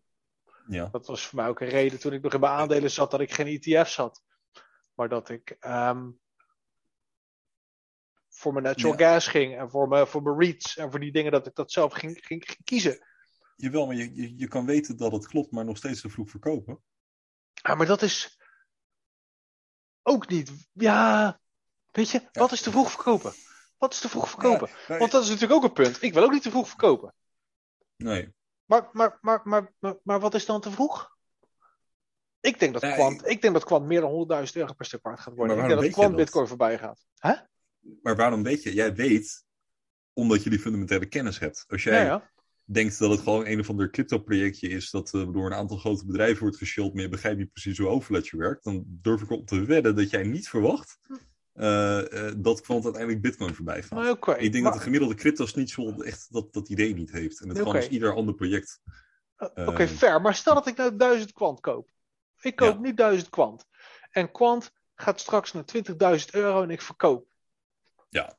Heb ik 20 miljoen euro. Heb ik dan te vroeg of te laat verkocht? Nee, natuurlijk. Ja. Je hebt niet te vroeg verkocht. Maar ik denk wel dat jij, als je echt begrijpt waar je in zit, dan kan jij bepaalde negatieve marktomstandigheden kun jij makkelijker trekken dan als je niet weet waar je in zit. 100% mee eens. Zelfs als je weet wat je. Zelfs als je weet dat het goed is, maar nog niet steeds niet fundamenteel weet wat er nou gebeurt. Want ik zie nog steeds uh, dat, dat er veel mensen zijn die denken dat het allemaal over is als de prijs naar beneden gaat, bijvoorbeeld. Ja, 100% um, eens. Toch? Ja, ja nee, Tim, weet je, ik sta, ik, sta, ik, sta helemaal, ik sta helemaal aan jouw kant. Dat, dat weet je. Ja. Ik denk alleen. Um, straks ga je steeds meer zien dat, dat, dat, dat, mensen er gewoon op vertrouwen en dat het wel goed gaat komen. En, en dat ze daar oh, natuurlijk. Gaan. Want, want ja. En, en, dat zie je nu al natuurlijk. En ik denk ook dat de reden is dat mensen, uh, en daar ben ik ook daar ben ik met jou eens, uh, we zitten in een andere fase nu. Hè? Er is veel meer informatie beschikbaar. Uh, er zijn nu grote influencers die ook een track record beginnen op te bouwen. Um, dus die niet random shit gewoon chillen, maar ook gewoon echt fundamenteel hun onderzoek doen, dat met hun volgers delen. Dus ik denk zeker dat het hele. Noem eens een voorbeeld. Nou, ik, ik, ik, ik vind iemand op, op TikTok, ik heb wel echt respect voor hem, Mason Versluis. Uh, oh, ja. Hij is niet alleen op TikTok, hij is ook op Twitter, hij is ook op Instagram, op YouTube. Ik vind, hij doet echt gedegen onderzoek. Hij laat zien van, ik, ik, ik kan heel veel geld verdienen door gewoon uh, random shit aan te prijzen. Dat doet hij niet. Hij kiest er echt voor om. Uh, en hij bouwt echt heel snel een following op. Um, hij kiest er echt voor om gewoon projecten uit te kiezen. Gewoon goed onderzoek te doen. Uh, en, en, een aantal andere. Kevin Cage vind ik ook, doet ook prima. Oké, okay, hij heeft XRP, dat is discutabel. Maar een aantal dat snap, jongens. Dat snap ik niet. Het is leuk dat je even dat uitstapje maakt. Hè? Of, of trek ik je dan te ver uit je verhaal? Je, je mag, uh, je mag uitweiden als je wil. Kevin Cage. Hebben we het volgens mij eerder over gehad. Die zag ik van de week ook weer, net zoals die Anders. Anders ja. S, Anders L, weet ik wat het is. Die gasten, die zitten allemaal balsdiep in kwant. Die Mhm. weten de tech. Als ik zie wat zij tweeten over kwant, denk ik, oké, jij snijdt het plaatje. Jij snapt het. Jij weet wat je in handen hebt. Je hebt je onderzoek gedaan. Je bent, ehm, je bent een van de ingewijden. Je hebt een grote bag en die ga je echt niet verkopen. Ehm, voordat we echt serieuze winsten hebben gemaakt. En, en je gaat een bag houden en je gaat de gateway runnen. Zo zie Mhm. ik die gasten. Maar dan zie ik ze soms tweeten over XRP. Dat XRP gebruikt gaat worden over de hele wereld voor settlement. En weet ik het allemaal. Dan denk ik, oké, ik ben niet een van de initiated van XRP. Maar wat je nu stelt, staat zo haaks eigenlijk alles wat Quant doet en oplost. En dan denk ik, waarom maak je nog die video's? Waarom blijf je dat doen? In die zin vind ik Quant Mommy bijna nog integerder. Toen ze heeft geschreven van XRP is gewoon een shitshow, je wordt voorgelogen en het is een drama. Ik chargeer even. Ja. Maar dan denk ik over, over Ennis en Kevin Cage, denk ik, jongens, jullie zijn echt wel intelligent en, en, en ingelezen. En toch blijf je zeggen dat Ja, XRP dingen. We hebben, we hebben het natuurlijk ook in een eerdere podcast eh, al besproken. En toen was Ja, mijn, zo. mijn stelling was dat het voornamelijk komt, denk ik, door dat sleepnet, zoals het noemde, van, van Ripple. Eh, dat, dat sleepnet, dat is een enorme army. Eh, je wil dat toch op de een of andere manier aanspraak maken. Je wil volgers creëren. Ik denk dat dat een, een, een onderdeel ervan is. Eh, maar ja, ik ben het met je eens. Het is natuurlijk wel heel erg ehm, contradictory. En dat, dat zie je met meer dingen in, in, in, in crypto. Dat ik denk van ja, je, je aannames kloppen niet. En toch denk ik dat ik ook XRP mis. Hè? Want Santiago die zei ook dat XRP grote dingen gaat doen. En, en, Ja, en, ik, en hoe heet die gast? Raoul. Maar, ja, maar natuurlijk. eh, eh, Maar we moeten niet vergeten dat Ripple, we doen altijd alsof Ripple een of ander klein projectje is, maar het is gewoon project nummer 8. Hè? Wat bedoel, wat bedoel je project nummer 8? Als in, als in, het is een van de grootste projecten in de crypto-wereld. Het Ja, staat oké. stevast in de top 10. Dus natuurlijk, het zal groot zijn, maar dat, is, dat zit ook wel deels in de prijs. Dat denk ik Eh, namelijk ook. Even, even, even terug naar. Ik probeer terug te komen in wat ik nou. Ja, Ja, het, het ging over influencers. En, Ja. en, en, en, en Nakato vind ik ook heel erg integer. Een hele Ja. fijne vent. Ja. Echt, eh, hij heeft ook eh, gevraagd of ik hem kan helpen met een project waar hij aan werkt. Leuk. Dus eh, ja, ik ga er nog niet te veel over zeggen, dat is privé-informatie. Nou, maar ik, ik eh, moet ik niet doen. Absoluut ja. niet. ik eh, ga hem proberen te helpen met iets waar hij aan werkt. Ehm, die mensen, dat is een beetje het punt van. Die mensen gaan er aan bijdragen, zeg maar, dat kwant uiteindelijk ook in de community een succesverhaal wordt. En eh, mensen gaan blind instappen op mijn. Ik heb geen blauwe ogen, op mijn bruine ogen vertrouwen ze me. Eh, jij wel. Eh, eh, dat het goed zit. En ik heb ook een aantal mensen die gewoon echt wel forse bedragen erin hebben gestoken. Die mij gewoon vertrouwden. Van, ik, ik heb mensen gewoon omgeluld, in zekere zin. Eh, van, hey, dit is een goede investering. En ze hebben me daarin vertrouwd. En ik denk dat... En zij hebben nog steeds het vertrouwen dat het goed komt, net zoals ik natuurlijk. Ook, omdat, ook al hebben ze op 300 euro gekocht. Dus ik denk natuurlijk dat dat effect zal gaan toenemen. Maar dat neemt nog steeds niet weg dat als de paniek toeslaat in de markt. Eh, we zitten echt niet in een vacuüm. Mensen raken al helemaal in paniek als Bitcoin 4000 euro keldert op een dag. En dan, dan schreeuwen ze dat het en moord en brand en het is het einde van de wereld. Ehm, al- als we daar al wakker om liggen. No way, no way dat iedereen dit goed gaat timen. Echt niet. Dat gaat echt niet gebeuren, dat garandeer ik je. En de enige eh, manier om dat te bestrijden is door echt te weten waarin je investeert. Ja. En dan hebben we het woord timen weer. Hè? Dat is natuurlijk nog steeds wat we, wat, wat, wat we vaak lezen en zien. Hoeveel, nee, Warren Buffett, Mhm. Kevin Lynch, grote investeerders in de eh, conventionele aandelenmarkt.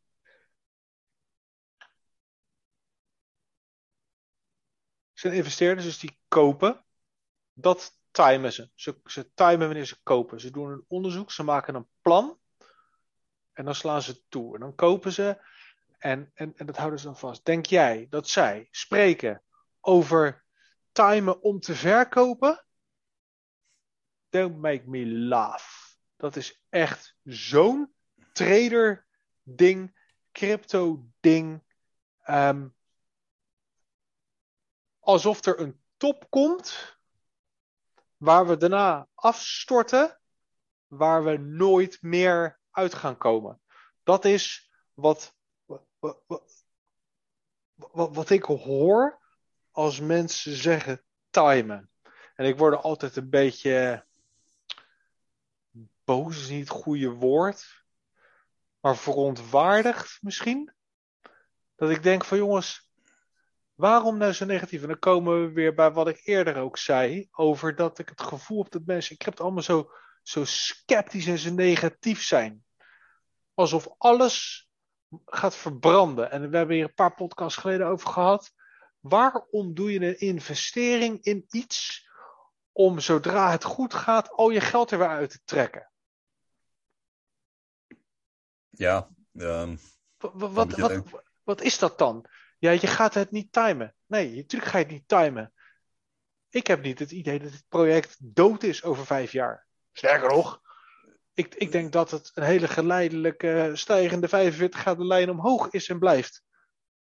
ja, ja dat, ik, niets gaat Niets, heeft, omhoog. niets heeft het eeuwige leven, hè? Niets heeft Nee, het eeuwige leven. Maar het is, het, is geen, het is geen rechte lijn omhoog. En Nee. dat hebben we nu al gezien. Als je Ja, maar- mij vroeg, in, in, als je mij in september sprak, had ik je uitgelachen. Als ik zei van dat we in januari op eh, 140, dat we in december dat ik wakker geschreeuwd werd omdat we op 133 euro weer stonden. Dus niets is een, een, is een, een, een rechte lijn omhoog. En Nee. ik denk ook dat investeren over het algemeen is het dus een. eh, eh, het is een mentaal spelletje. Het is echt het, is het meest lastige mentale spel in de wereld, denk ik. Eh, En ik denk niet dat er genoeg mensen uit het juiste hout gesneden zijn om echt gewoon al die tijd vast te houden. Er gaan echt wel. Het, je ziet hetzelfde bij, bij, zo'n spelletjes, spelletjesshow als, als Weekend Millionaires. Of, nee, nee, eh, miljoen, nee, hoe heet het nou joh? Deal or no deal, dat, dat spel. Weet je wel, van dat je, ga je hiermee akkoord of ga je toch doorspelen? Dat, dat soort Even, dingen. hier, even, even, even dit, hè? Kijk, eh, papa. Is, Ja, is, ben benieuwd. is dit- nu komt het. Hey. is dat te zien? Ja. Dit is de Dow Jones sinds 1900. Nou, er zitten, er, er zitten natuurlijk wat, daal, wat dalletjes in. Maar dit is toch een aardige lijn, 45 graden omhoog. Tot, tot ongeveer hier zo. Dus, weet je, als je maar ver genoeg uitzoomt, doet de inflatie gewoon zijn ding. Ja. Snap Nee, je? Zeker. En dat is de- met de S&P hetzelfde. Dus, maar, maar we kijken allemaal op, op een half jaar. Ja, natuurlijk. dat- is ook het ding eh, met, met crypto. Ehm, eh, ik zat er van de week ook over na te denken. Van natuurlijk, als je de, de, de, de, de aandelenmarkt bekijkt. Coingrams is een, een, een social media account op Instagram dat ik graag volg. Altijd een beetje hetzelfde type berichten, maar altijd wel gewoon heel optimistisch account, zeg maar. Van, ze laten echt zien van de mindset die je moet hebben. Ja. Ze zeggen daar ook van, nou ja, de, de, de aandelenmarkt, iedere tien jaar heb je misschien een correctie van 30%. Oh. Eens in de zoveel jaar gaan we 30% naar beneden. En de, de, ja, probeer dat maar, eens- probeer dat maar eens in te schatten wanneer het gebeurt. het, eh, het grootste, negen, meer dan 90% van de tijd gaat de markt omhoog. Ehm, eh, en dan denk ik ook met crypto, van we hebben dus een track record sinds 2010 ongeveer, 2009, 2010. Dat is eh, nu krap 11, 12 jaar geleden. En dat is dus een periode van 11 tot 12 jaar waarop we dus uitspraken moeten gaan doen. Ja. Dat vind ik lastig. Ja. Eh, daar kun je eigenlijk helemaal niks mee. En ook als je weet dat de, de, de, de markt, ook door Hargreaves, hè, volgens mij, en een aantal anderen in zo'n rapport ergens, dan zeggen ze dat rond 2027. Ja. eh, het is een dollar volgens mij dat dan de gehele, de gehele ruimte van crypto dat eh, richting de, wat is het, 27 biljard, moet ik dan zeggen? Nee, Nee, biljoen. Biljoen, oké. Ja. Weer naast het weer 20, fout. 27 trillion. Ja, precies. Dat, dat het Ja. die kant op gaat. Maar dat, dat zal. In crypto, eh, het zal denk ik, en we weten het niet, het is allemaal glazen bol eh, werkt dit, maar Ja. ik denk niet dat het een rechte lijn omhoog wordt of een, een soort stabiele lineaire lijn die je gewoon zo kan trekken. Ik denk dat er genoeg punten komen dat zelfs mensen die het begrijpen, uitstappen en eh, dan uiteindelijk alsnog gewoon de boot missen. In die zin. Dan zullen ze winst gemaakt hebben. En er is niks op tegen. Het is gewoon een vermoeiende markt, dit man. Het is een vermoeiende wereld. Het is. ehm, het, zijn, het zijn echt tropenjaren. Ja. Voor, voor, voor- en en, en eh, helemaal een beetje afhankelijk van, van hoe je erin staat. Ehm Quant is echt een easy hold daarin. Ja. Ehm, en, Maar wel maar- een easy hot die je moet begrijpen. Nee, nee, 100%. En ik denk dat als ik voor het geld eh, die mijn kwant nu waard is. Ik zeg in het bijzonder niet wat ik erin heb gestoken, maar wat het nu waard is. Als ik dat in andere tokens zou hebben, of in andere coins, dan zou ik niet zo op mijn gemak zijn. Nee. Maar dat, dan komen we natuurlijk weer terug op research en dat is 100% waar. Straks komt het moment dat, en daar blijf ik bij, dat research niet meer zo super belangrijk is. Maar dan is ook de prijs niet meer wat het nu is. Straks ga je zien dat Oracle en SIA en, en, en LackChain en alle transacties wordt allemaal inzichtelijk. Dan zeggen mensen, oh, het, het, was altijd waar. Die meme van die gast op de maan die dat pistool op die gast zijn hoofd heeft in de ruimte. Ja. Ehm, ja, het, het was altijd waar. Ja, het was altijd waar. Dan is het wel te laat om, om de gains te gaan maken die wij gaan maken. Mhm. Maar dan heb je wel je zekerheid. Dan is het meer of je een Microsoft of een Apple of een Tesla koopt. Je bent niet meer early. Je gaat niet meer die 1000x pakken. Maar je loopt ook niet het risico op de nul. Nee, natuurlijk. Dan wordt het een heel ander verhaal. Ja, en, daar, en, en, en, en dat tijdperk gaan we naartoe. En, en we zitten er nu nog een beetje op het randje van met die verhoogde volatiliteit. Want er zijn natuurlijk verwachtingen van mensen als wij. Er zijn mensen die zitten er nog langer in dan wij. Ehm, en die gaan inderdaad profits pakken. Nou, dat zie je nu ook, hè, dat het op 1000 wordt als het ware. eh, het aantal kwant wordt lager weer. Was een hele tijd hoger geworden. Was op een gegeven moment 1850. Kwant gaat nu weer naar de 1600, geloof ik. Ehm, dus er Ja, vindt een 17- distri- 1700 is nu ongeveer iets, iets minder. ja, zoiets. dus er vindt een distributieplaat, plaats. Moet ook, want er is geen inflatie. Dus, dus er moeten munten vanuit, eventjes gezegd, onze handen naar, uh, naar nieuwe handen toe. Um, en dat is ook oké. Ik begin steeds meer te geloven dat je met 100 kwant het lachend gaat redden. Dus ja, waarom moet je er 1000, 2000, 3000, 40.000, een van de mensen in de Dow, 40.000 kwant, voting rights, holy shit. Heeft waarom 40.000? Uh... Ja, in die, uh, in die DAO, de Decentralized Autonomous Organization, dus een organisatie vanuit hebben we het over gehad. Um, dan kan je stemmen via een, uh, een bepaalde entiteit. Kan je uh, je ledger kan je dan koppelen. Dan kan je stemmen en dan kan je dus um, anoniem bijdragen aan beleid, whatever. En dan kan je dus een wallet koppelen met zoveel QT erin. Nou, uh, er zit een wallet bij met 40.000 kwant. Ja, dat, dat, kunnen niet veel mensen zijn. Dat is iemand uit de top 100, top 50 zelfs. Ja. Wie dat dan is? Ik, ik, ik weet het niet, maar ik heb vermoedens. Er zijn een paar mensen die in mijn hoofd opkomen. Um, Zal het een maar... ghost zijn? Of, uh... Nou, dat kan. Dat kan. Lijkt me niet. Dat kan. Een Ghost, een Jeff, een, een, een, een Nicky. Um, ja, nooit, no way dat die. Uh, dat zou kunnen. Whiteman. Ja, weet je, we hebben, we hebben, we hebben Nicky alleen al in zijn videoopnames zien filmen. Hoe hij aan het market buyer was. Kocht hij geloof ik 15.000 krant in die video. Nou, die heeft er stiekem op de achtergrond ook nog wel wat bijgekocht. Zo zijn er nog een paar mensen hoor, die ook uh, video's gemaakt hebben. Die is fucking plankton. En die harkt ook eventjes in die video. Uh, ik voel veel over duizend kwant naar binnen. Ja. Kijk, er was, er was een tijd toen we instapten dat het 4, 5 dollar een kwant was. Ja. En dat is nog steeds zo geld. Ja. ja er zijn mensen als, je die... het, als je het hebt liggen, dan. Uh... Ja, er zijn mensen die hebben de sub-euro uh, meegemaakt. Maar goed, we moeten niet doen alsof dit een hele grote. Het is echt een handjevol mensen. Ja. Het, het zijn er ja. niet veel. Nee, maar die, maar, maar die DAO, uh, ze gaan dus ook quadratic voting doen.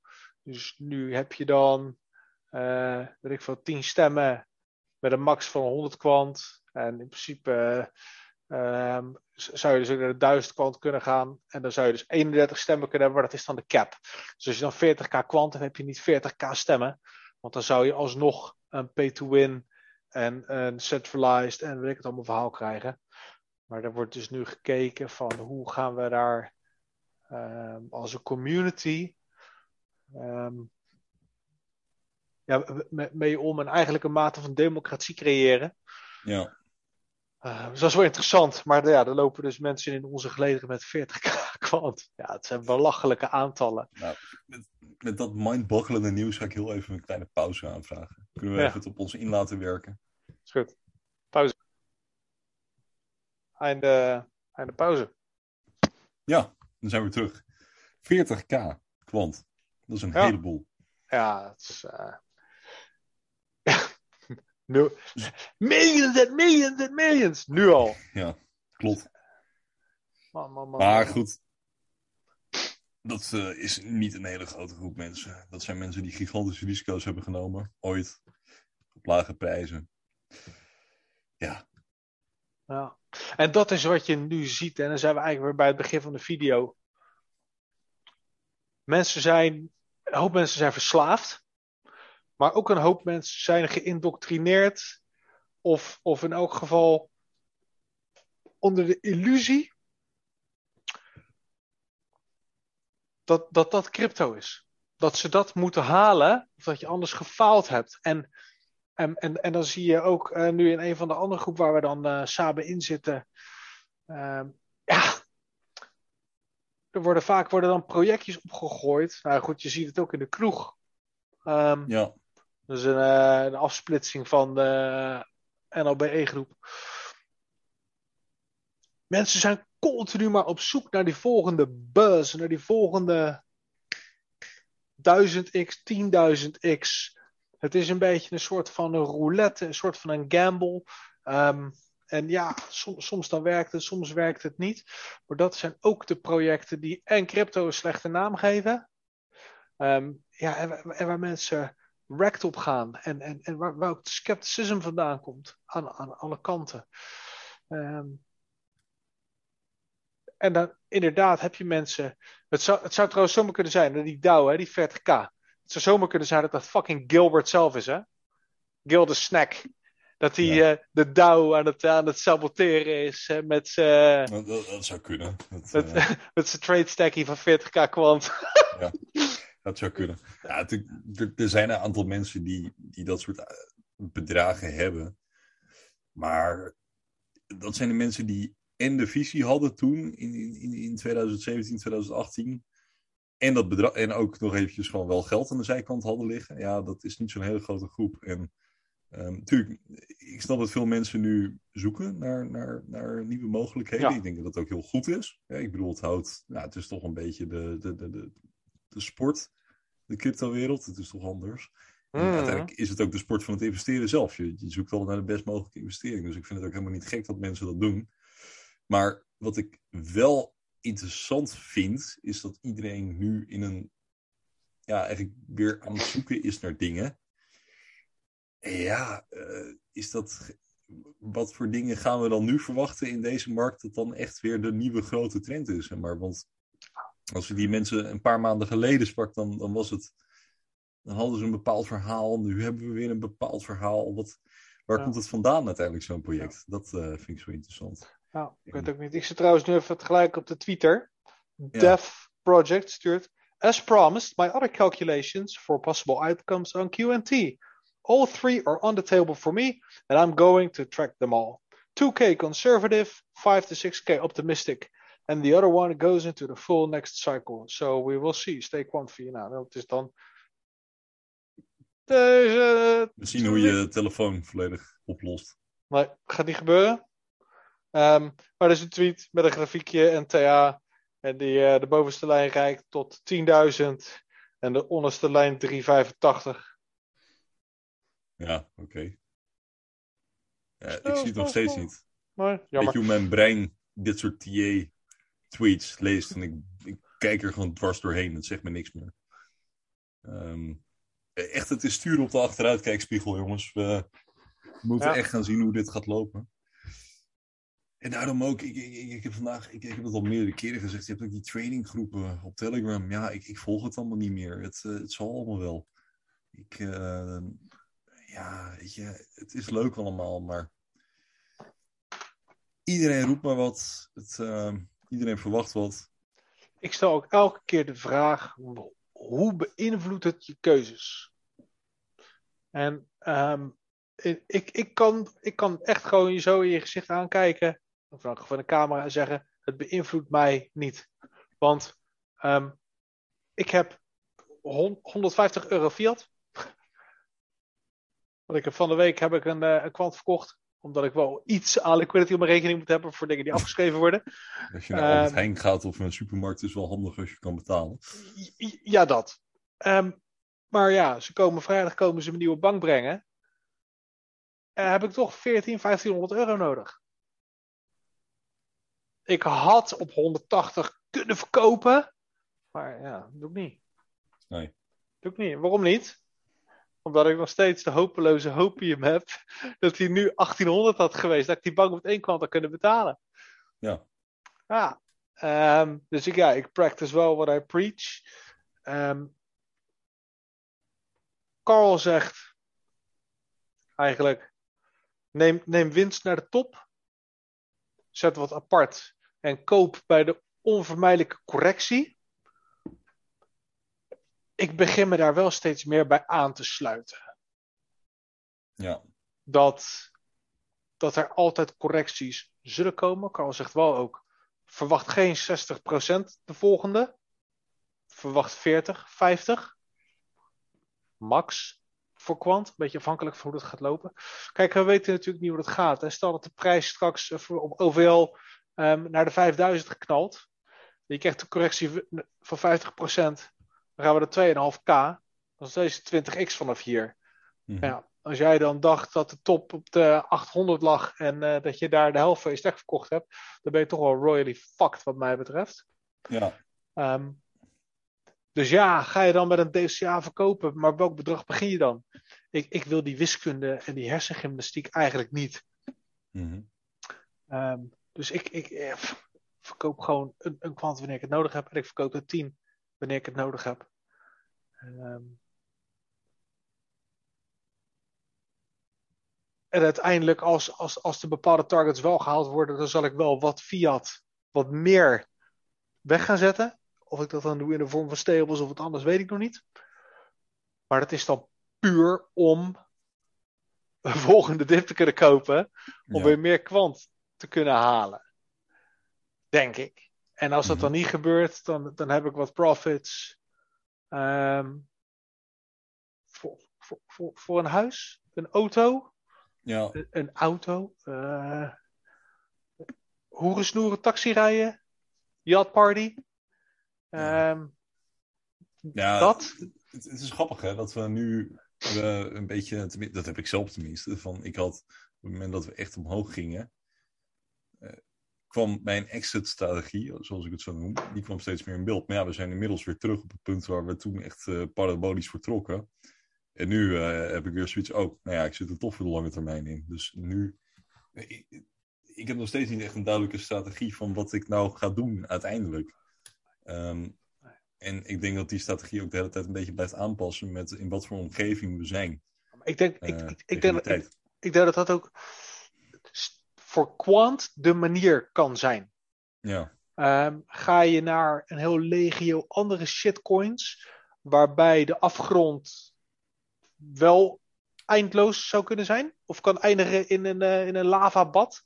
ja. Ehm, bij Quant zie ik dat niet gebeuren. Ik denk dat als, eh, als Quant nu onder de 100 gaat, dat ik op een of andere manier geld ga lenen.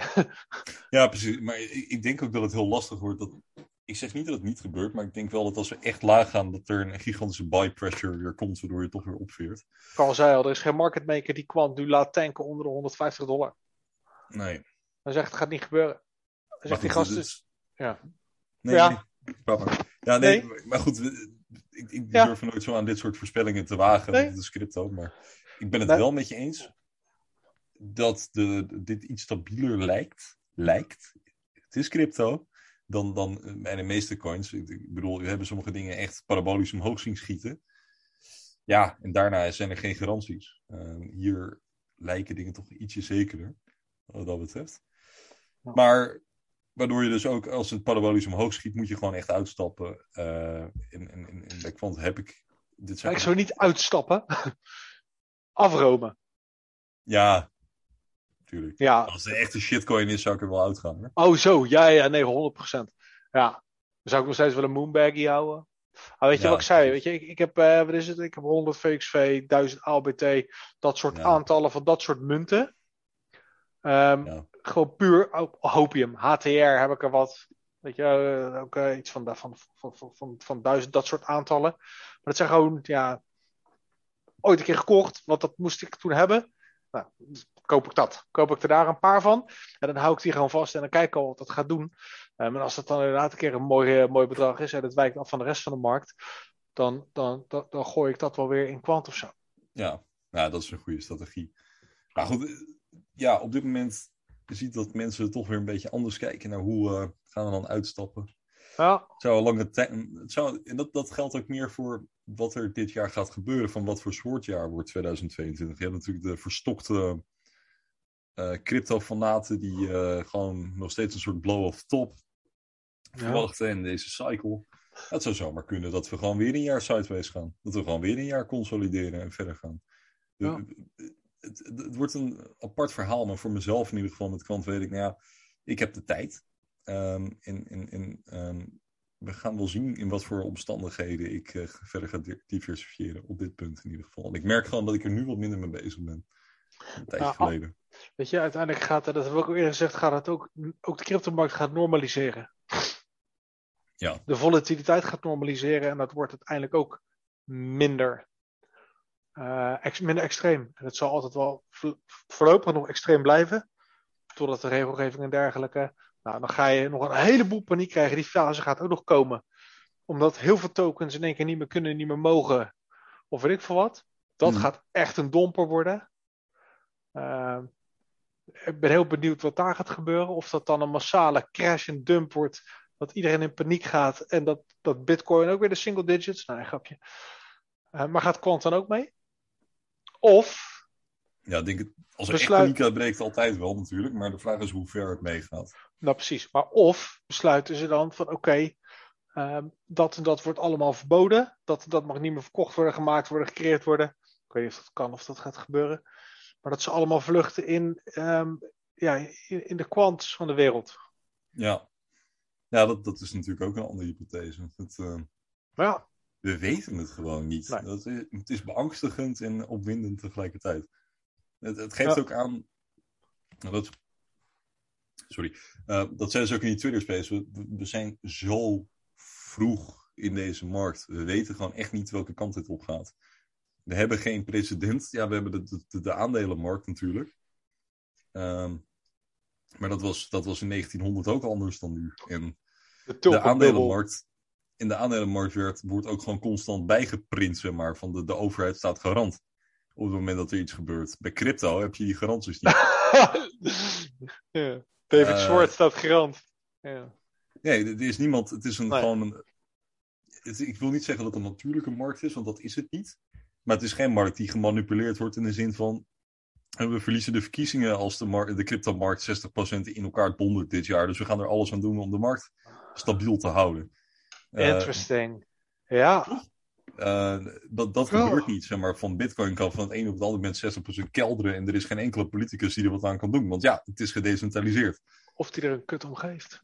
En ze geven er waarschijnlijk. Ja, nou, dat is wel het ding. Kijk, des te groter crypto natuurlijk wordt, des te groter het, uh, het gevaar voor de reële economie wordt, natuurlijk. Hè? Dus ja. Um, uh, dat wordt ook nog wel een interessante discussie, hoe dat um, dan gaat worden.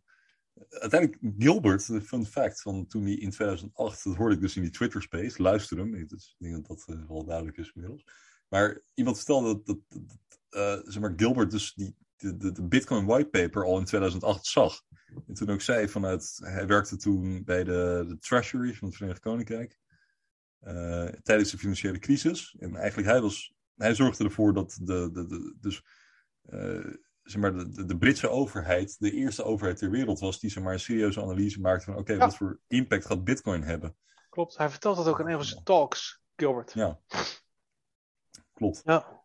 Dat, dat is ook wel interessant. Dus de, ja. de, ze zijn er echt wel mee bezig. Ja, maar wat, wat voor invloed dat weer gaat hebben, dat durf de ik De Britse overheid heeft het toen afgedaan als het is geen bedreiging van betekenis. Toen? Ja, nu nog steeds. Het is nog steeds geen bedreiging van betekenis. Nee, nou... Je kan Kazachstan vragen om het internet uit te zetten en Bitcoin tankt. Want de hashrate mm. dropt. Ah, oh, is ze zo gedecentraliseerd? Clowns. Ik had vanmiddag nog een gast op Twitter. Die was ook uh, weer uh, Bitcoin als de savior aan het verkondigen. Maar, maar je kan er niet omheen dat is goed praten. Um, dat het wel ingenieus in elkaar zit. Het zit heel knap in elkaar. Ik bedoel, die, die, bit, die hashrate dondert in elkaar en het netwerk past zich gewoon weer aan. Maar. Uh, het... 15 jaar geleden was het state of the art. Ja. Het is... Maar het, is inmiddels is het door moderne technieken ingehaald. Maar alsnog vind ik wel. Het, het, het zit ontzettend knap in elkaar. het is een beetje zoals Indiana Jones. Als die in zo'n tempel loopt. Hmm. Het zat ook ingenieus ja. in elkaar. Je gaat hier op een steen staan en daar komt een rotsblok naar beneden. Ja. Het is al een paar duizend jaar oud. Ja, super ja. ingenieus. Mooie, mooie vergelijking. ja, het is, het is lastig. Um, wat was er nog meer? Met, met, met Quant in ieder geval afgelopen week dat jou opviel. Want we zijn nu weer een beetje over de hele cryptomarkt aan het praten. We dwalen echt enorm af. Heb jij nog weinig man? Dingen? Ja, hè? Het is, ja, we zien wel Twitter-activiteit ook van, vanuit, vanuit Quant zelf. Dus Digital Pound hadden ze geretweet. Ja. Digital Pound maakt, maakt golven. Die zijn bezig um, zichzelf neer te zetten. Um, ja, dan wat nieuws. Nou, wat dat het meest opvallend voor mij daarin is, is dat de eerste reactie altijd zijn ouder wordt XRP gebruikt. ja, of er was iemand die beweerde dat elektronium gebruikt wordt, want elektronium is zo lekker goedkoop. Ja. Ja hoor, Ja. de hele Engelse overheid gaat met XRP en elektronium betalen. Doei. Dus, ehm, nee, maar joh. We, we zitten nu ook nog eventjes in, in het zog van de feestdagen. Ja, Iedereen heeft eh, vakantie gehad, gaan we even van uit. Ik denk niet dat dat een feit is. Maar dat is natuurlijk altijd een excuus om even in rust te kunnen werken voor een periode van twee, drie weken. Eh, kerstdagen, nieuwjaar, weekje eraan vast. Hebben ze allemaal vakantie gehad. Dan hebben ze nog een week. dus ik ver- verwacht eigenlijk wel week drie, eh, week vier. Ehm, ja, wat buzz om ja net zoals vorig jaar. eh, eigenlijk. Vorig jaar kwam ook eind januari kwam een hele rebrand online. Ah, eh, interesting. Ja, een belangrijke aankondiging van een hele huisstijl eigenlijk eh, veranderde. Vorig Ja. jaar eind januari. ja, ja, Dat was toen ook een beetje hype. Ja, zeker. Nee, ik, ehm, ik, ik blijf erbij dat OVN en de gateways, als het live gaat, dat het, dat het een epische lancering wordt. Ik denk dat Gilbert en zijn baksmaten ehm, er echt een, een ding van gaan maken. Ik denk niet dat ze met lege handen en een tweet.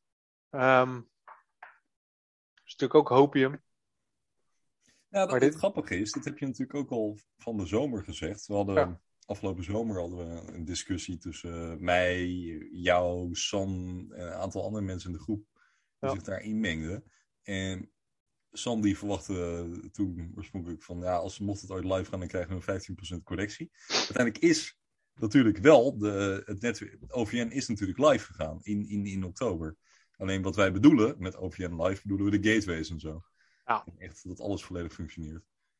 Eh, ja, toen werd er zeg maar wel, was het wel een soort tweetje die we kregen. Als je nu de video kijkt, zie je hele leuke beelden van Jarno. Ja, Nee, we kregen wel een soort tweetje en, Ja. en, en ook wel wat aankondiging, maar dat voelde, het is nu niet compleet.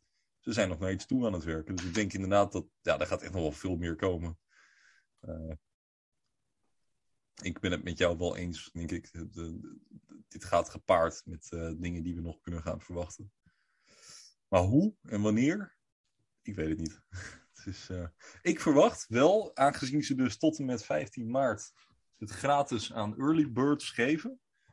eh, van ontwikkelaars, maar dat je geen fees hoeft te betalen. Het, het, zou heel raar zijn als ze dat niet in die periode daartussen niet iets gaan doen. Ah, exactly. Exactly. Ik, ik verwacht dat we in het eerste kwartaal iets kunnen gaan verwachten. Ja. En, en ODAP, hè. En ODAP stond gepland, Ja, voor dit jaar. ja, voor januari. Is dat nog steeds zo? Dat, dat heb ik ervan gemaakt. Nou ja, dat was toen, dat was toen de tijd de aankondiging. Dat was toen de tijd de roadmap. Ik heb het niet paraat. Ehm, maar ja, dat, dat was het toen. Dat was inderdaad de updates met 211 en eh 212 en dan de, en de enterprise eh, versies. En dan de, de MVP, Main Value Ja. Proposition. Dat zou in januari moeten zijn. Dat zou ODAP zijn. Ehm, Weet je, jongens, waar, waar- praten we over? Ja, dan, dan komen we weer bij eh, hoe ziet mijn toekomstbeeld eruit? Ik eh, denk eh, dat ik eh, met alle medische vooruitgang nog nou, twee derde van mijn leven te gaan heb. Eventjes heel breed genomen, bij 37. Dat is ambitieus hoor, 120 worden, maar goed, het is niet onmogelijk. Ja. Eh, ehm, dus, dus ik heb nog even. Als ik nu drie jaar moet wachten. Ja, het is niet ideaal, want binnen nu twee weken wordt waarschijnlijk mijn zoon geboren. En dan woon ik in een appartement, 70 vierkante meter. met twee kinderen en een, en een hond. Maar mijn vader is opgegroeid op 50 vierkante meter. Ehm, en, en, en, en toen waren gezinnen, mijn vaders gezin niet, maar andere gezinnen, vele malen groter. Die woonden op de ruimte in, van, van mijn woonkamer. Met z'n achten, met z'n tienen. Ja. En dan moest je eten, drinken, slapen, schijten en alles in diezelfde ruimte. Ehm, eh, en, en, en hier zegt de maatschappij dat je een eensgezinswoning moet hebben. Ik kan het hier nog wel drie jaar uitzingen hoor. Als ik zo lang moet wachten totdat kwant naar de four digits gaat. Ja. Daar beginnen wel mijn cell targets eh, in, in beeld te komen. Niet op drie. ja, hier en daar een kwantie, maar ik moet wel eten, drinken, leven en een bankstel. Mhm. Ehm, ja, Tuurlijk, ja, nee, ik denk dat we. maar echte winstnemingen, dus eh 100 kwant eh, per keer verkopen, die orders vergroten. Ja, dan wil ik toch wel een, een- paar keer per kwant hebben. Ja, logisch. Ja, Ja, dat ben ik met je eens. Ja. Ehm, en tot die tijd er? hebben we tijd, joh. Tot die tijd hebben we, heb ik geduld. we En, hebben en- heel veel podcasts nog tot die, tot die periode. Ja, man. 150. Dus nee, laat, laat, laat Gilbert lekker zijn werk doen. Eh, laat die gasten bij Quant werken. Ehm moeten niet aan denken dat het straks live gaat. Dat ze zich gehaast hebben. En dat iedereen die een gateway runt, zijn gateway leeg geplunderd wordt. Ja, Stel je voor. Nou, serieus. Dat- Ja, dat ben wel live, inderdaad. Kan je, kan je het dashboard zien waar je tokens heen vliegen. Nee, dat, is, dat zou catastrofaal zijn. Dat zou echt. ehm, en, en, en dat kan dus niet. Omdat Nee. het dus letterlijk kritieke infrastructuur gaat worden. Zuid-Amerika, Europa. Ehm, je kan niet met een XRP broodje aankomen. Nee. Klopt.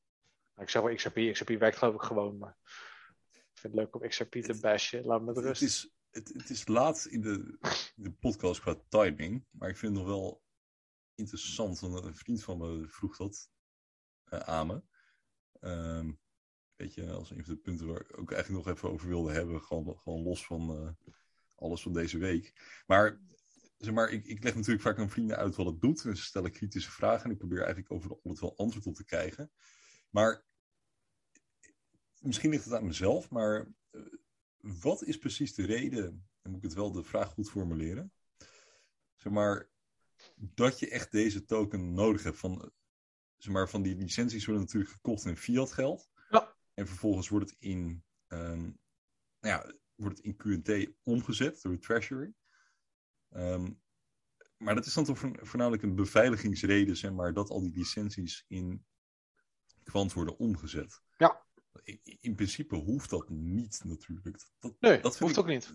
Dat Hoeft ook niet. een beetje het uh, Ja. nee, maar dat, dat probeer ik Nou, nog steeds te begrijpen. Dan, krijg je het verhaal wat je met Windows wil. Heb je een legale versie van Windows op je computer? Oh, nee, je hebt Apple. ik- ja, Ja, ja, ah, ja. ja, oké. Ik heb een legale versie van Windows. Als ik een illegale versie wil, kan dat. Als ik Ja. Office illegale versie wil, kan dat. Kan gewoon de CD-key kopiëren, kunnen we cracken, kan ik hacken. Dat is geen enkel probleem. Ik gebruik graag Driver Booster van IOBit. Ik vind het een fantastisch Mhm. programma. Maar ik, ja, ze hebben elke twee maanden een nieuwe versie. Ik ga niet elke twee maanden 80 euro betalen voor een nieuwe Ja, software. Dus het is een piraterijverhaal. In dit geval Ja. wel. Ja, Gebruik van het netwerk. Alles heeft een quant token nodig. Ja, natuurlijk. Dat is wel logisch eigenlijk. Ja. Soms liggen antwoorden zo voor de hand dat ik er helemaal niet meer... Ik, probeer vaak als mensen mij vragen stellen, probeer ik echt overal antwoord op te geven. Maar soms dan, zetten ze me echt even klem en dan weet ik het gewoon even niet. Nee, maar logisch. Kijk, en Ja. het kan natuurlijk ook zo zijn. Hè? Stel nou dat ik eh, zeg van nou, ik, ik, ik wil een licentie voor mijn bedrijf. Hm. Ehm, maar ik heb de kwant al. Want die heb ik gekocht op 30 cent. Dan kan ik ook mijn licentie gewoon in kwant betalen. Ja. Maar de treasury, die dienst die zij bieden, maakt dat de klanten zich niet hoeven druk te maken over wisselkoersen en, en al of dat soort gezeik. Dus zij gaan eigenlijk gewoon naar, de, naar Windows. Ze zeggen: Ik wil een Windows-licentie. En zij betalen gewoon. En wat op de achtergrond gebeurt, is dat die licentie gekoppeld wordt aan die of het kwant. Dat wordt vastgezet voor de duur van die licentie. Ja. Ehm, en vervolgens krijg je op basis van die licentie. ehm, krijg je, ja, weet ik voor iets van code mee. Waardoor gezien kan worden. aan de hand van QT. Wat jij wel en niet doet. kunnen stellen dat dus doordat ze zo'n ehm, eh, model hanteren, waarbij het dus gekoppeld wordt aan een crypto token, Ja, dat je dus die cryptografie eigenlijk gebruikt als middel om piraterij volledig uit te bannen. Dus niemand kan, ah, nu snap ik het. Ja. Jezus, dat kwartje viel laat. dat is, dat is de reden van de token. Zit, zit ik al een jaar hierin en dan kom ik er nu pas achter van, Ja, oh ja, you, you learn something every day. Van, ja, maar dat is de reden waarom. waarom Jezus, dat ik er nu pas achter kom. Sorry als je christelijk bent, maar Da- maar dat is de reden ook voor Wordt er dat, eentje wakker hier, zeg. dat natuurlijk Bitcoin al die tijd. Weet je, dat ze zeiden van ja, het is een pristine collateral. Je kan zien waar elke Bitcoin altijd geweest is. En je kan zien wie- nu. En je kan zien wie het bezit. Nee, moet je niet doen. Het is natuurlijk een super complex geheel. Maar dat is hetzelfde met de Quant token. Elke token, elke Verdian is altijd te vinden en te herleiden. Ja, ja logisch. En, Ja. en daarom moet met alles meegezonden worden. En daarom hebben we ook een fixed supply. Daarom is er Ja. geen inflatie. Je weet van elke token, wanneer is die ontstaan en wat is zijn weg die die bewandeld heeft. En soort dat, van dat, dat bedoel ik dus. Van, dat zei ik al eerder. Van, ehm, eh, je kan alleen ergens in investeren eh, als je weet hoe het werkt. En dit is dus ook weer een ding van nu ik dit weet. Dus ik weet van, ik wist in het begin dat het iets vaags van. Weet je wat jij zei? Van veel mensen die weten dat het wel goed zit en die investeren. Ja. Zonder dat ze precies uit kunnen leggen waarom het wel goed zit. En dit, ik wist, ja, ja, kwant wordt gebruikt omdat het met de veiligheid te maken heeft, maar ik kon ook Mm. precies uitleggen waarom dan. Maar nu ik snap dat het een piraterijverhaal is, ja, klinkt het eigenlijk verdomde logisch en heb ik meer vertrouwen erin. Ja. Ja, ja dat, dat bedoel ik dus een beetje. Van als je dat niet begrijpt, en dit, dit is een heel simpel voorbeeld, maar het gaat met heel veel meer dingen. Je, je moet gewoon begrijpen hoe dat op de achtergrond werkt. Ja. Mind is blown dat ik dit niet eerder had bedacht. Ja. Het heel, voelt heel stom. Ook omdat je er nooit over nadenkt natuurlijk. Want we hebben het de hele dag alleen maar over een paar onderwerpen. En over heel veel dingen heb je eigenlijk al, ben je al heen gestapt, zeg maar. Omdat het een soort van taken for granted is. Ja, Logisch. Ja, ja interessant. Ja. vind ik wel. Ja. En, en, dat, en dat maakt het dus zo essentieel. Want niets werkt letterlijk zonder de token. Ja. Het is letterlijk de sleutel tot alles. Dus op het moment dat jij eh, geen tokens bezit, kijk, en die, zal, die tokens zal ook gekoppeld worden, en dat weet ik niet, hè, maar dat zal gekoppeld worden aan een stukje identiteit. Ik, als voorbeeld, Eh, heb je Demolition Man gezien? Volgens mij is het Demolition Man. Dan ga je, het, ga je de toekomst, dan heb je een DNA op je wapen. Want als je dan dat wapen af wil vuren, dan is dat gekoppeld aan die politieagent zijn buitsnummer en zijn DNA. En elke kogel die hij afvuurt, gaat een stukje DNA mee. Zodat altijd te herleiden is ehm, welke Nou, kogel die- door wie is afgevuurd. Maar dat ook een wapen niet werkt bij iemand die geen politieagent is. Oké. Beetje, een beetje, beetje dat idee. Dat is een beetje wat Quant de token doet. En dat is wat, ehm, wat het, eigenlijk het hele idee van het overledger is. Je kan dus gewoon geen gebruik maken van die dienst ehm, zonder die licentie en de token. Ja, interessant. Core mechanic. Demolition Man. Ja, Demolition Man, ja. Ja. Met, eh, met Sylvester Stallone en ehm, Wesley Snipes. Hele jonge Wesley Snipes. Oké. Demolition Man. Ja, Gaaf. ja is grappig. eh, Film uit Dus een 1993. dystopische, dystopische film. Echt een hele oude. Robocop 1 tijd, 1985, Ja,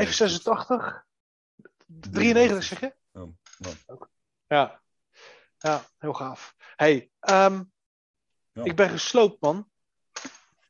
ik eh, denk ook dat we hem redelijk hebben. We zijn twee uur geleden ongeveer begonnen met opnemen. Ja. Nog een uurtje werken om de boel online te krijgen. Ja, ik vond het mooi. Ik ook. Ja, er was even een, een podcast waarin we gewoon een beetje eh, algemene markt besproken, maar niet echt een specifiek onderwerp gehad deze keer. Tenminste, dat we echt van tevoren hadden voorbereid. Dat is ook wel een keertje goed. Gewoon even een beetje kijken hoe het, eh, hoe Ja, het deze week weer voor staat.